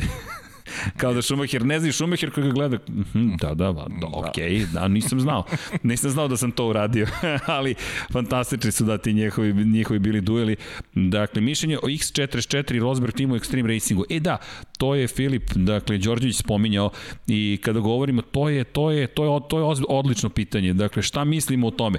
Čujte, oni su sada vlasnici ekipa. Dakle, Niko Rosberg, Lewis Hamilton, sudbina je fantastična. Pa. Bili klinci, drugari, družili se, završili zajedno u istom timu Formula 1, borili se za titulu, Niko žrtvovao ceo svoj život da bi pobedio Hamiltona, pobedio ga, otišao iz Formule 1, poštuju se međusobno veoma ponovo i sada imaju timove u istom šampionatu i to će biti fenomenalno za praćenje. Šta mislimo? Ja, ja želim postoji razlika. Lewis Hamilton je aktivni vozač. Lewis Hamilton obara rekorde, postavlja istoriju. Slično Valentinu Rosiju, ok, trenutno Rossi to ne radi, ali je vlasnik ekipe. Nije to tako jednostavno. Rosberg, s druge strane, može da bude potpuno posvećen toj ekipi i može drugačije da pristupi svemu tome. To ti je ista priča kao u NASCAR-u što su Michael Jordan i Denny Hamlin osnovali ekipu koja će biti aktualna već sledeće godine. I velika stvar za promociju NASCAR-a je pojava Michaela Jordana u, u NASCAR šampionatu. Baba Valas će voziti, ali Denny Hamlin i dalje ostaje u ekipi Joe Gibbs Racinga, dakle neće moći da ima tu neku uh, aktivnu ulogu u praćenju svega onog se dešava sa timom, ali zato biće lepo gledati naredne godine velikog Michaela Jordana na trkama NASCAR-a, dakle uh, u ulozi vodećeg čoveka u ekipi. Zaista fantastično za sport. Gde ćeš bolju promociju sporta od od Michaela Jordana? Pa mislim da, mislim da zaista nema. I kada govorimo o, o, o, o tim spojevima velikana, Michael Jordan, za one koje eventualno ne znaju, 2006. godine je vozio Moto Grand Prix, motocikl u Valenciji na kraju sezone i došao je na kraj te godine kada je Niki Hayden postao šampion. Valentino Garossi ga je vozio na samoj stazi, dakle u vozilu bezbednosti, rekao je da sam znao da će ovaj ovako da vozi vezao bi pojas, dakle imali smo te godine priliku da vidimo Jordana koji je mega zvezda da, za ovaj će ostati. Da, i ljubitelj automotosporta, definitivno i eto, sad je ukazala se prilika da Tako je. se pojavi kao šef ekipe. I imao je inače i svoju ekipu u američkom Superbike šampionatu. Da, da, da. Tako, I vozi motore, inače čisto da znate. I čovjek je koji, eto, kao što si rekao, veliki ljubitelj zaista e, veliki ljubitelj automotosporta, tako da kada vidimo Rosberga, Nešto kada vidimo Hamiltona... Nešto poput nas, samo što mi i dalje nemamo svoju ekipu. I još. Još, još. A kada govorimo o Extreme E, dakle šampionatu, pa obratite pažnju, dakle sledeće godine u martu 2021. kreće, završava se u decembru, decembru i bit će fenomenalno. Dakle, i kada pričamo eto, o, o Desert Expriju, Ocean Expriju, Arctic Expriju, Amazon Expriju, Glacier Expriju, dakle ići ćemo i u Senegal, i u Saudijsku Arabiju, na Grenland, u Brazil i Argentinu, Tierra del Fuego, tamo će se završiti, dakle, radi se o ekstremnom trkanju, dakle, četiri kontinenta i žele da podignu svest o uticaju zapravo klimatskih promena na na prirodu i koliko ljudske aktivnosti mogu da utiču na te udaljene lokacije i kako bolje da to uradite nego da se trkate. Eto, kako, kako da skrenete pažnju na ugroženost prirode, idemo da se trkamo. Ali šalu na stranu, dakle, eto, nadam se da će to pomoći, da ćemo voditi računa tamo kad odemo da povedemo zaista, da skrenemo pažnju na neke stvari koje Da, eto, okružuju nas, a ponekad ih tako olako shvatimo ili pomalo zaboravimo. Tako da, da, bit će to zanimljivo. X44 ekipa i Niko Rosberg sa druge strane. Da li mislimo da je Nokona više uticala godina pauze ili incident sa Maxom da je postao toliko pasivan? To je dobro pitanje, Okonom se gotovo ni ne bavimo više. Pa, bavili smo se, mislim, bavio sam se malo tokom tokom trke. Sam je dao izjavu za autosport, vrlo interesantnu da je znao da će ta pauza da utiče njega, ali nije verovo da će toliko dugo da traje ta neka nazovi adaptacija na, na, na novi susret sa, Formulom, sa Formulom 1. Znaš da se najbolje vidi koliko Okon nema možda dovoljno samopouzdanja. U kvalifikacijama je od 14 trika, trka 14 pokušaja, 13 puta izgubio od Daniela Ricarda. Samo jednom bio brži od Ricarda. Da ne pričamo o tome da ima 46 poena manje recimo od Ricardo ove sezone. I ono što smo pričali, što si ti povukao kao, kao priču, je njegov budući angažman u Renaultu. I franc, francuski mediji su počeli da špekulišu o dolasku Pjera Gaslija. 2021. rekao bih, kao što je Zalbona bila kritična ova godina, tako će Zokona biti kritična naredna. Jer više nećemo moći da, da pričamo o aklimatizaciji njegove, prilagođavanju ekipi, već mora da isporučuje dobre rezultate za Renault. Dolazimo novi timski kolega, opet veliki šampion koji će imati podršku na Renaulta, a on mora da bude na nekom nivou mnogo većim kako bi zadržao šanse da vozi 2022. Rekao bih da su mu šanse nakon ove sezone sve manje. Da, ali me, šta meni pokazuje Okonov neuspeh? Koliko zapravo, često to pričamo, Max Verstappen uništava klubske kolege, a zar ih ne uništava i Lewis Hamilton? Dakle, pa dobro, to, to je to. to, to ali, je... znaš šta me, šta me to dovodi? Daniela Ricarda. Šta je Ricardo sada učinio Okonu? Ali, dakle, jeste imao pauzu, jednu godinu pauze. Ali samo ti kažem, znaš šta je razlika? uh, Valtteri Bottas, pa onda Pierre Gasly, Alex Albon, nisu imali nikakvu reakciju na to što ih timski kolega uništava. A jel- da li ima okon? Nema. O, da li- nema. O tome ti pričam. Ali možda možda mi- kažem reakciju. Reakciju neku da ti vidiš neki, neki, neki bes, da vidiš da neki komentar, da, da, da čuješ neki komentar koji, koji je negdje i samo kritičan, da, da vidiš nešto što je reakcija. Znaš kad te neko konstantno, Ali- neko ti konstantno lupa po ušima, Ali- a ti nemaš reakciju. Ali, ali mislim da mnogo zavisi od kulture. Ako pogledaš Kvijata, ako pogledaš Albona, ako pogledaš Gaslija, zahtevna je kultura Red Bulla. Dakle, Kvijata, ako se sjećamo gotovo da, da, da, da je bio izgubljen u drugom delu sezone kada su ga smenili, kada su ga iz Red Bulla poslali u Toro Rosso. On Čovjek u malom suzama nije završio jednu od trka. Potpuno je izgubljen. Pitanje je kako te okruženje dobiješ u, u Red Bullu. Šta i pokušaš Albon? On je u suzama bio na kraju u Imoli. U suzama. On čovjek nije mogao da odgovori svom inženjeru u, u, u završnom u krugu posle trke. To je, vidiš tugu u njegovom glasu, ali to je gubitak samopouzdanja, to je taj jedan ogroman pad, neka i mali gubitak u Ali šta ti to govori? Nisu prosto spremni za to okruženje. To ti kaže. I potrebno im je eventualno neko drugo okruženje, A Ricardo, kako, tim, kako se Ricardo ponašao u kako je odskočio ove godine. Pa ne ali, samo to, i kako se ponašaju u to vreme ali u to Red baš, Bullu. to baš hoću da ti kažem. Dakle, to jeste pojnta. Kako, kada kažemo uništava, eto, ni- nije došao i bavio se okonom, ne, on je vozio svoje. Ali to utiče na tebe, ti imaš isti bolid, ne postižeš iste rezultate. Ricardo je pobedio Sebastiana Vettela u Red Bullu 2014. Dobro, Ricardo je neka zona. Ricardo je čovjek koji može da, osvoji titulu. Ricardo je, jeste šampionski E, kalibar. zato ne znamo šta može Okon. Okon, ali dobit će Fernanda Alonso pored sebe. Da, Okon je zaista enigma velika. Jedno od većih koji ćemo pratiti naredne godine, jer on prosto mora bude bolji, jer inače ćemo i njega izgubiti vrlo brzo. Mislim, izgubiti, po znacima navod. Šta je dobro u celoj priči? Što imamo veliki broj tih mladih, igra, uh, mladih igrača, vozača koji su e, zaista na visokom nivou. Jer zaboravljamo Formulu 2. Nikada bolja konkurencija. Nikada bolja kon... E, Nikita Mazepin. Pa Nikita Mazepin je jedan fantastičan vozač. Na stranu njegov otac. On je fantastičan vozač. Gledajte svaku trku, analizirajte svaku trku u Formuli 2. Pravi, pravi trkač. A pazi, a mi spomenjamo čoveka koji je šesti u šampionatu. Ispred njega Mick Schumacher, Kalu Majlot, Yuki Tsunoda, jedan od možda, neću reći da ti je omiljen, Christian Lundgaard koji, Jeste, da, da, da. Ko- Ja, ja sam kome? njega, ja sam njemu najviše šanse dao da će osvojiti titulu. i koji je ozbiljan vozač, Robert Schwartzman i tek onda dolazi Nikita Mazepin. A ne spomenjamo ni Luja Deletraza ni Guanju Zhou, koji isto Da. ima svoje ozbiljne šanse da napreduje dalje.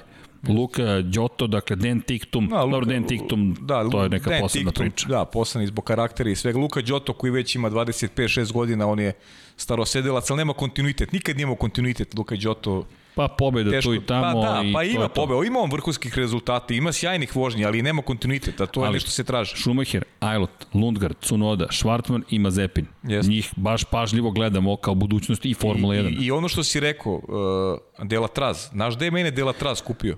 Gde? Pa u Muđelu. Ha, U Muđelu, na, na, na, na takvoj stazi, nepoznat teren, dva podijumska rezultata. jeste, jeste, bio je Luisa fenomenalno. Delatraza. Bio je fenomenalno. E to ono što smo rekli, k- koliko menadžment obraća pažnju na te stvari. Kad, kad po, pošalješ nekog Novajliju, pošalješ ga na jednu super stazu u kojoj, u kojoj ne, ne zna ništa. I on tamo ima dva rezultata među, među e, tri najbolje. To je, ne zaboravimo Luisa Delatraza nikako. Evo, pitanje, dakle, kada će vaša ekipa, dakle, kada će naša ekipa, radimo na tome, dakle, imali smo dva sastanka sa Dornom, dakle, ne šalimo se, samo što to sve sad skupiti, pogotovo posle COVID, COVID nam je potpuno A poremetio misliš planove. da, aha, za a? Pa da, dakle, to je potpuno poremetio planove. Plan ove godine je bio da se ide na šest trka. Dakle, to je bilo planirano. Između ostalog, dakle, direktni prenosi odande. Lab 76 inače i planiran da se održava takođe u uključenjima direktno sa staza. Kada govorimo o Formula 1, radimo i na tome. Formula 1 je malo drugačija. Mi imamo mnogo veću podršku kao tim ljudi iz Dorne, Dorna se i dalje bavi kako popularizacijom sporta, Formula 1 je više u fazi komercijalizacije, dakle, ili naplate onoga što je već nekada davno stvorila. Pa i dok dakle, god je ovaj COVID oko nas, teško da ćemo moći bilo šta da realizujemo od tih priča. Da, inače, kada govorimo da, o još nekim stvarima, šta mislimo o pravilima u 2022. prednosti i mane? velika tema. Za to mm. bukvalno moramo posvetiti posebnu Pa emisiju i među sezoni. hoćemo, I, i to ćemo i da učinimo. Da, zaslužuje. Dakle, zaslužuje kog vozača smo videli uživo, kog vozača ste upoznali. Pa, Od 2011. prenosimo sa, iz, iz kabine, nismo, nismo išli praktično nigde, takav nam je trenutno posao, dakle radimo na tome da prenosimo sa lica mesta, pre toga smo upoznavali neke starije, Coulthard, Schumacher, Damon Hill, vidim da se spominje Damon Hill, Jacques Villeneuve i tako Ja dalje. nisam iskreno, to je Srđan je i ranije imao ovaj, Kao novinar, još pre kao komentarisanja. novinar, da, da, ja nisam ovaj, pre toga radio kao Da, ja novinar sam baš- sa Formula 1. Srđan baš ima mnogo veliko tada, iskustvo. Da. tada, dakle to od 2011. se malo promenilo, dakle ne, ne, ne, ne pomeramo se iz te perspektive, ali radimo, kažem, na tome.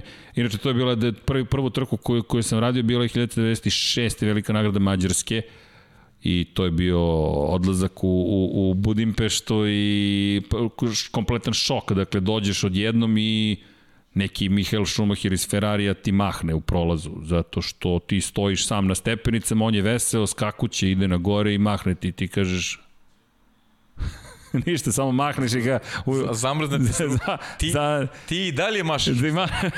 Pazi, nisam imao 20 godina još. 19 godina i 8, 9 meseci. To je leto 96. I ovako, ok, šta si sine danas radio? Ništa, mama, sve u redu. Ali nije bilo mobilnih, kako crno javljanje. Pričao sam kad sam došao Si kući. mator, stvarno je. Mator, omatorilo se, pa je, omatorilo se. Da, to je bilo zabavno. I kada sam shvatio da sam za glavu i po više Džaka Vilneva, to je bio šok, dakle, s obzirom na činjenicu da nemaš utisak jasan, ok, nije da baš da sam nizak, ali sve pomisliš kao, kad, da li bih ja mogao u Formulu 1, ne bih imao ništa da tražim, mogu bih da sedim i da držim prednje krilo, otprilike nogama, eto, to bi otprilike mogao, ali ok, da, VRC dolazi u Hrvatsku, to je isto da nešto što, što će biti sjajno Da, za jest, region. da, to smo... Tako da, da, da to, je, to je baš dobro. E, I pitanje, pitanje, pitanje. Vaše mišljenje McLarenu, uh, čekajte, dakle, to, to smo već odgovorili, ali mislim da to teško.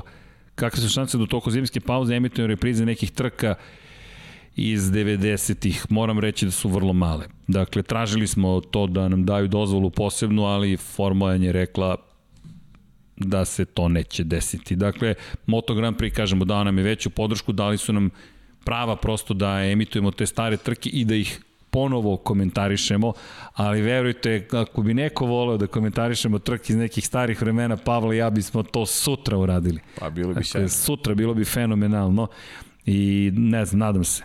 Dakle, koji vozač nas je najviše oduševio, koji je najviše razočarao ove sezone? Najviše oduševio i najviše razočarao. Da.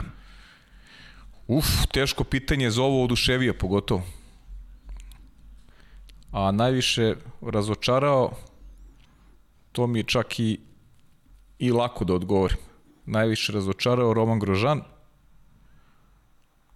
i to samo zbog toga što sam u njega uvek imao velike očekivanja, pa sam doživljavao nekako lično uh, njegove loše rezultate, ajde tako da se izrazim, a najviše oduševio Pa Daniel Ricardo, recimo. Recimo Daniel Ricardo. Ali dobro, ti si, ti si slutio da će Ricardo. Pa dobro, ali, ali opet eh, jeste bio sjajan cele godine. Kada govorimo za... Da li će biti specijal za čoveka sa brojem 44, mislim da je zaslužio. Apsolutno je zaslužio. Dakle, ali to ćemo posle sezone. Dakle, s obzirom na činjenicu da, da i bit će vremena tokom zime, je, čeka nas dosta toga. A do tamo, do kraja marta Tako baš je. ima dosta vremena. I ima dosta vremena, tako da, da apsolutno... Obradit ćemo sve teme. Da, bit ćemo, to je jedna tema koja, koja se otvorila i na početku godine i tokom godine i osetljiva je i bitna je. Mislim da ćemo, imamo tu, polako pravimo tim koji će da sedne za sto i onda ćemo da otvorimo priču i bit će uživo i bit će verovatno i emocija sa svih strana, bit će zabavno, ali to je ta priča, eno, Senina zastava, Schumacher, Hamilton, cela priča, ali polako dajte da vidimo ove tri trke prvo, pa ćemo onda, imamo i Moto Grand Prix sutra, direktno ćemo i raditi podcast, imamo i trku za vikend i tako dalje. Koja je prva trka koju smo, e da, nisam odgovorio, a koji me najviše oduševio, koji me najviše razočarao. Najveće oduševljenje za mene, za mene jeste Pierre Gasly, i svešću ga na, na onaj moment. Dakle, jednostavno, da, znam da to nije cela godina, ali mislim da je to jedan nadljudski napor da te otpuste u očima, u, u lice celoga sveta je usmereno ka tebi. Došao si jedan od najvećih timova u Formuli 1, u istoriji čak Formula 1 polako, u Red Bull, dobiješ otkaz na sred sezone, u sred sezone, tvoja porodica je sa tobom u momentu kada voziš za malu ekipu iz koje si došao, gine neko ko je mnogo tebi blizak tokom tog istog vikenda, Dakle, to je potpuni sunovrat. Sve, sve što, loše što je moglo da se desi, se desilo i ti nađeš snagi u sebi da prođeš, proguraš tu sezonu, da dođeš na pobedničko postolje protiv sada najuspešnijeg vozača svih vremena po broju pobeda, da sa svojim Toro Rosso Hondom na uzbrdici u Brazilu kažeš ne, ja ne puštam gas, ostaviš Hamiltona iza sebe, spremiš se za 2020. u ekipi koja se sada voze po uh, modnoj konfekciji, dakle Alfa Tauri, i kažeš idemo u stopama United Colors of Benetton, nema problema, ja mogu i dođeš do pobede, da, bilo je tu i sreće, ali da ti u momentu kada znaš da Stroll drži pobedu, ti kažeš ne, ovo je moj trenutak, ovo je moja pobeda, dođeš do triumfa i onda sedneš onako na pobedničko postolje, ne razmišljaš o ostalima, sedneš i kažeš, šta, šta kažeš, ne znam, šta ti prođe kroz glavu. Sedneš i to je to, to je kraj. To je kraj, ti si uradio sve što možeš. Bio si na dnu 14 meseci, 13 meseci ranije i sada sediš na vrhu sveta u jednoj monci na kraljici brzine, koja od, od početka 20. veka organizuje trke.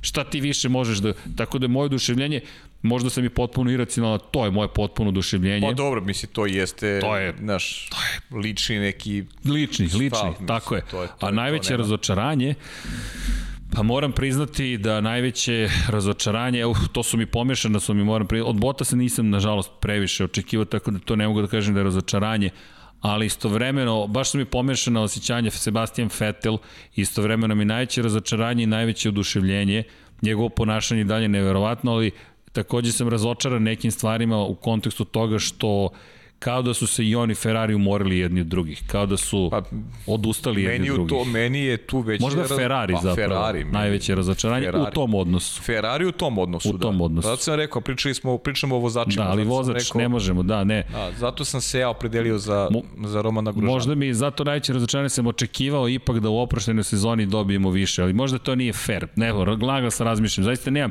Redko, teško mi da se razočaram u nekoga, Mislim da nisam na dovoljnom stadijumu razvoja da bih se razočarao, zašto to kažem, ne kao čovek, nego razvoja emocija.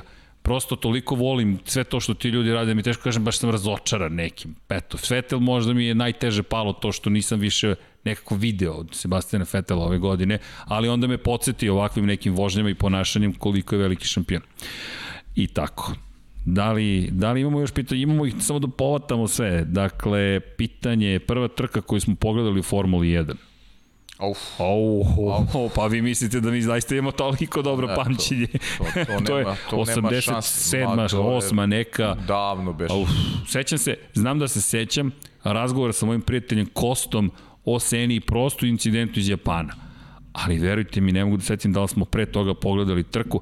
Nešto mi je u glavi uh, Portugalija čak i Imola, ali to nisam ja gledao, to su drugi gledali, a ja sam tu neko dete koje je figuriralo i nije se pitalo previše šta se gleda, pa sam zakačio, ali ja sam Kosta. Gledao, ja sam gledao Senu u Portugaliji.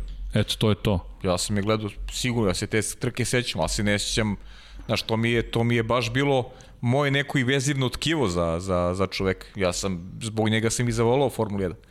Ali sada se baš setim prve trke, Mislim, prosto se to gledalo u mojoj kući, tako da to je bio neizostavni deo.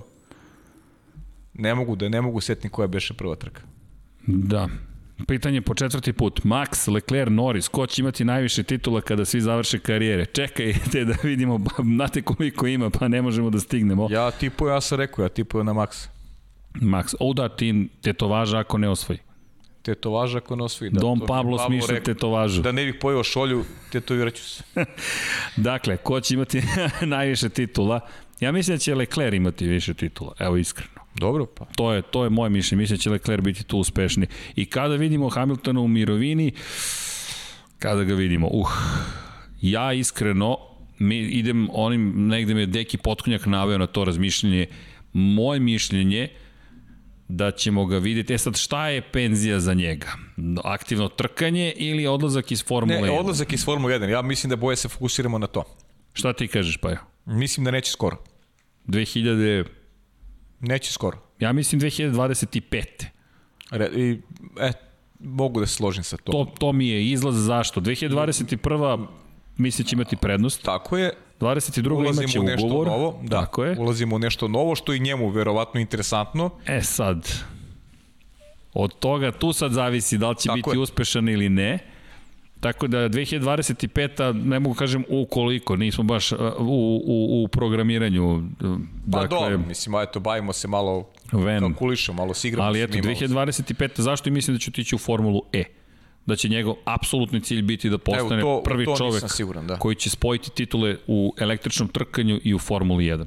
Mislim da je to Deki 100% pogodio, jer ako pogledamo njegov i, i želju da menja svet, njegov društveni uticaj i njegove reči, pa i tim u Extreme EU, dakle, da mislim da će on otići, da će on gurati ka tome. To, to je, je samo naše, Ok, to, to su dobro. naša mišljenja. I tako dalje. Da, da, Hamilton 20, 2023. svi govore, kada se uvede organi, ograničenje plata, da, ali to ograničenje plata je, bi, će verovatno imati klauzulu koja kaže sve plate koje nisu potpisane kasnije. Dakle, to je, i da li se sećamo najmanjeg i najsporijeg safety kara Argentina? Moram priznati da se ne sećam. Ja. Ne sećam, ali moram priznati da se ne sećam, ali bila je neka Toyota na stazi u Kanadi tipa pre 12 godina ili tako nešto, 14 godina. Da, dakle, povratak Williamsa i tako dalje. E, Ali ko će voditi za Haas sledeće, ne znamo ko će voditi. Dakle, Pa prepostavljamo će jedan biti Mick Schumacher, a drugi, drugi teško. Rekao si ja tipuje nekog iskusnijeg vozača. Aleksa Vučić. Kombinacija. Možda Evo, Nikita Mezepin. Aleksa, izvinjavam se, pisao je na Instagramu i na Facebooku, ljudi, ja trenutno ne stižem da odgovorim na Facebooku i na Instagramu, dakle, evo, izvinjavam se javno, jednostavno mi toliko stvari u ovom momentu pokušamo stignemo da uradimo, što na sport klubu, što Infinity Lighthouse-u, da društvene mreže, kako otvorimo, odgovorimo nekih 10-15 poruka, 20 i onda idemo nazad na neke druge stvari, ali popravit ćemo se, tako da, A, Aleksa, evo, ako može, javit ću se, obećavam da ću se javiti, ali inače email lap76, dakle lap76 at infinitylighthouse.com. Mi smo u Svetogorskoj, inače 46 u Beogradu, pa eto. Gleda me Vanja zbunjeno. Zašto otkrivam adresu studija na kraju univerzuma? Pa svi znaju već gde je studio na kraju univerzuma, tako da eto, ako šaljete nešto, to je adresa, samo napišite Infinity Lighthouse i tu smo. Nešto se Vanja ovde smeje. Ko će to da dočeka taj paket? Tom Pablo, ne brini ništa Vanja. No, hoće li Bottasov ugovor sa Mercedesom biti njegov poslednji u karijeri? Teško pitanje, da li će biti, pa sudeći po onome kako šta se dešava u drugim ekipama, verovatno i hoće. Ja ne znam da li ćemo biti u Mercedesu i naredne godine, sigurno. Da, ali mislim da sad već da, da neće menjati tim koji dobija. Ovo je tim koji dobija. Ovo je tim koji dobija. Osvojili su sve što se može osvojiti. Ima Zašto bi sad ali- promenio? Kao, kao sa Đovinacijem. Zašto sada da promeniš tim koji realno dobija? To je samo moje, Ne moje neko mišljenje. ne. Mislim da će da, da, da, ali da li ćemo biti poslednji, bojim se da hoće. Bojim se da hoće, čak bojim se da, da neće, mislim da će, naravno to sad ima, ima i finski uticaj, ima tu dosta Na ovom nivou pitanje. uh, izgubiti za ceo krug trku je onako jedan baš udarac jak za Valterija Bottas. A moram priznati da nije neočekivan shodno onome što pruža u celoj sezoni. Da, i imam jedna, jedna bitna napomena, nismo spomenuli, to smo zaboravili, W serija. Formula W, dakle dame, će se pridružiti kalendaru Formule 1 od sledeće godine, to je velika vest, nepravedno smo to zaboravili, hvala, dakle, na, na tome Milan Pajtin pita da li će ići, da, ići će, dakle, kada govorimo o, o, o Formuli W, dakle damama u Formuli 1 uspostavili su stratešku saradnju, rekli su to nam je i bio između ostalog cilj, tako da Formula W stiže, Grand Prix 3, to jest Formula 3, neće više biti u isto vreme kada i Formula 2 i mislim da je Formula 1 povukla super potez, da je podelila i svoju reputaciju, svoju medijsku eksponiranost dala i na manjim takmičenjima, između ostalog Formuli 2, Formuli 3, pošto nisu istoga vikenda, lakše je prenositi i fokusirati se i još Formulu W dodalo šta to celu znači priču. još? Šta to znači još iz koje perspektive? Iz naše naše? perspektive. Iz naše perspektive. Pa Pajo nešto se gledamo. Cenim da ćemo biti češće u kabini zajedno. Da. Da, da, a, volimo Formulu 2 i Formulu 3. Formula 2 je s- spektakularno. E, koja ti je bolja? Evo, moje pitanje. Formula 2 ili Formula 3? Jel možeš uopšte da odvojiš? Pa znaš kako, češće su bolje trke u Formuli 3. Češće su bolje Zato te pitam, Formuli a, ali ako pogledaš ko su ljudi u Formuli 2, E, to je drugi deo sezone je malo promenio zabavno je. ovaj celu priču kada se neko i Mick Schumacher probudio, kada su uključili još neki drugi vozači. Tako da i jedno i drugo gledajte. Ok. Ne propuštajte nikako. Ne probam ni treći, Pazi, Formula ni četvrto. 3. Sećaš se završnice Formule? Kako se ne Prvo, ne, da ne zaborimo, Teo Puršera ćemo Puršera, gledati u da Formuli ti 2 kažem, sada. Teo Dečko će debitovati kao vice šampion Formule 3. Evo vam ime, zapamtite ime, Teo da, to smo, odavno smo rekli. Teo Pa je rekao pre početka sezone, Teo Puršer. Teo Puršer, da, on je vice šampion, momak koji ima postao je punoletan, čini mi se negde u avgustu Da, mesecu. Ne, ne, ne, ne, lažem, Nije 17, još. 17 godina napunio u avgustu mesecu. 17 godina, on još nije punoletan. Dečko još nije punoletan. Vice šampion Formule 3. Čudo. Fantastičan vozač. Francuz, Fantastičan vozač. To je ono što smo pričali, podrška države, asocijacije, Nikola Stod i sve ono što si naveo, pritom je vrlo perspektivan, gledat ćemo ga, siguran sam u Formuli 1. I to čak i brže nego što mislimo, verujem. Inače, imamo pitanje koje, hajde da vidimo, ovo smo, ovo smo pričali, dakle, koja nam je omiljena trka koju smo prenosili na sport klubu? Ali mislim da se, da se vraćamo, Vraćamo na, se na kanal. Da. ne, mada, mada je meni onaj Brazil 2012. nekako u, u glavi. To su, to su Jeste. te dve trke koje, koje su mi u glavi. Brazil zato što je rešavao pitanje Tako je. šampiona. I, I sve ono što se događalo u Sena. Ali bilo je mnogo, bilo je mnogo dobrih trka. Mnogo dobrih trka je bilo, ali izdvajamo tu, taj, tu, tu Kanadu, izdvajamo i I slaže se s tobom taj Brazil ili direktno rešava pitanje šampiona. Znaš, to je Alonso protiv Fetela, Ferrari protiv Red Bulla. Da. Kakva bitka i sve što Mon- se dešavalo te godine, usponi, padovi. Spa i, i Monza 2018, mislim da ti nisi radio to Spa i Monza 2018. Ne, bio sam u Monci fizički, a fizički, Spa da. se poklopio sa, Sa- Moto Grand Prix da, na kom sam Baki- bio Baki fizički. ja smo radili, Tako da. je. Baki ja smo radili. Ali ima, baš ima mnogo dobrih trka koje, koje smo radili, ali eto, neka budu te dve. Naše zajedničke To su te To dve. su te dve, da. da Brazil Slažem se, da. 2012. i Kanada 2011. Kada smo trajali nešto kraće od prethodnog podcasta, ali ne brini Vanja, nećemo otići u pet i po sati.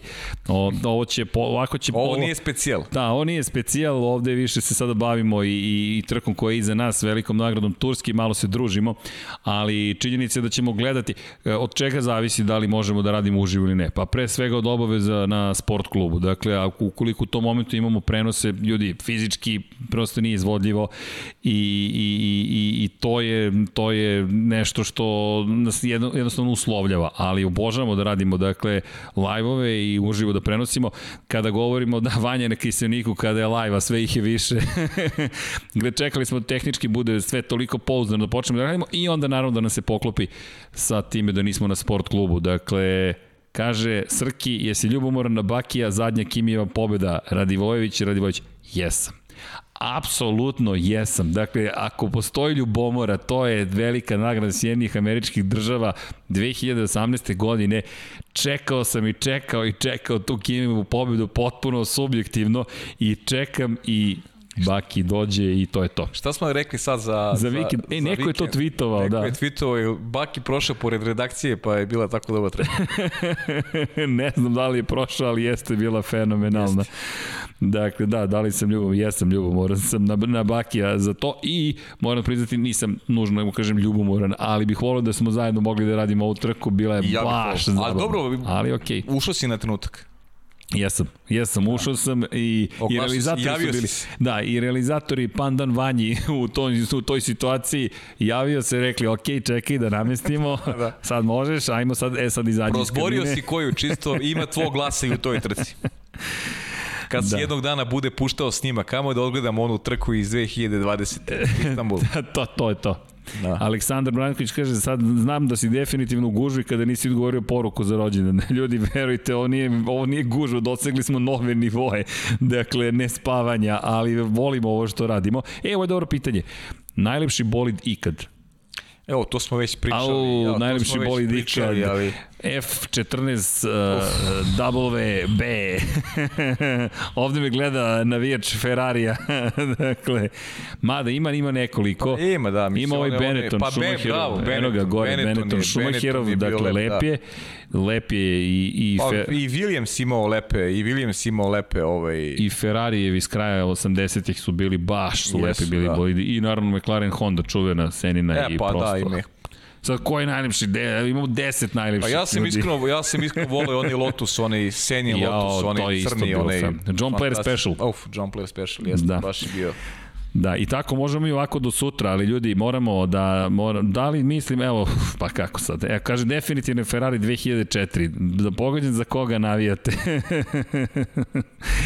ok, dakle, kada govorimo o, o tome da Porsche u Formuli 1, jao, kada ćemo se odjaviti, evo Vanja još malo ćemo, dakle, Porsche u Formuli 1, ima ta priča o Porscheu, šta je sad sa Porscheom? Porsche, nemojte zaboraviti, ima spreman motor za ovu hibridnu eru. Porsche ima spreman motor iz 900 iz 919 LMP1 kategorije. Dakle govorimo o motoru koji jeste V4 bio, međutim Porsche je napravio verziju V6, testirao je koncept ulaska u Formulu 1 i to negde stoji u razvojnom centru Porschea, ali se ne koristi s obzirom na činjenicu da je politički Volkswagenova korporacija toliko ugrožena, ne politički, politički, dakle po, poslovno je ugrožena posle skandala sa, sa lažiranjem testova na, na, na štetne emisije iz dizel agregata, to je motora sa unutrašnjim sagorjenjem, da smo ostali bez toga. Dakle, jednostavno došli smo do toga da Porsche tehnički može to da izvede, ali nema se sredstava u ovom momentu i tako da smo nažalost bez Porschea, pa eto negde nadamo se tamo 2025. kada dođe nova promjena pravila, a pošto je Dom Pablo počeo da reaguje, mislim da ćemo morati uskoro da se pozdravljamo, pošto je sta, gospodin Pablo stao pored Vanje i rekao jasno momci, vreme, Doviđenja. vreme je za kraj. Dakle, dogovoreno i za Kimira i Konena i za specijale i da li će se pojaviti, evo samo još ovo, akademija na našim prostorima, pa A dok mi napunimo 76 godina, nadam se da ćemo Pa dobro, uspeti znači za u nekih tome. 40 godina, dobro. Tako je. Ljudi, šalu na stranu, ali vreme je da se polako pozdravljamo. Verao, sigurno smo nešto propustili da spomenemo. Trudit ćemo se da budemo češće u live-u. Pripremite Q&A, malo mislim da smo nadoknadili. Dakle, Q&A, da, Dom Pablo kao obučen kao stig da dođe, može, to ćemo organizovati, je kod mahuje glavom. Pavle, imaš nešto da, da dodaš, nismo možda nešto Imam, ali ne smem, ne daju mi. Šalim se, vidimo se šta, idemo sledeće nedelje smo tu, najavljujemo trku u Bahreinu i, Tako je, dve trke i u to je Bahreinu. to. Pa dobro, dve, pa prvo ćemo jednu, pa To, onda to, onda ali, tamo negde drugo. ali da. kako, kakav ide spektakl Super ta, kraj, ta da, trka u trostruki Bahreinu. vikend imamo za redom i nadamo se ovakvim trkama, to je to. Da, ljudi, Pozdrav svima, hvala vam na, na druženju. hvala na druženju. Budite uz nas i dalje. Noć mora čuveno. Ćao, Ćao svima. svima.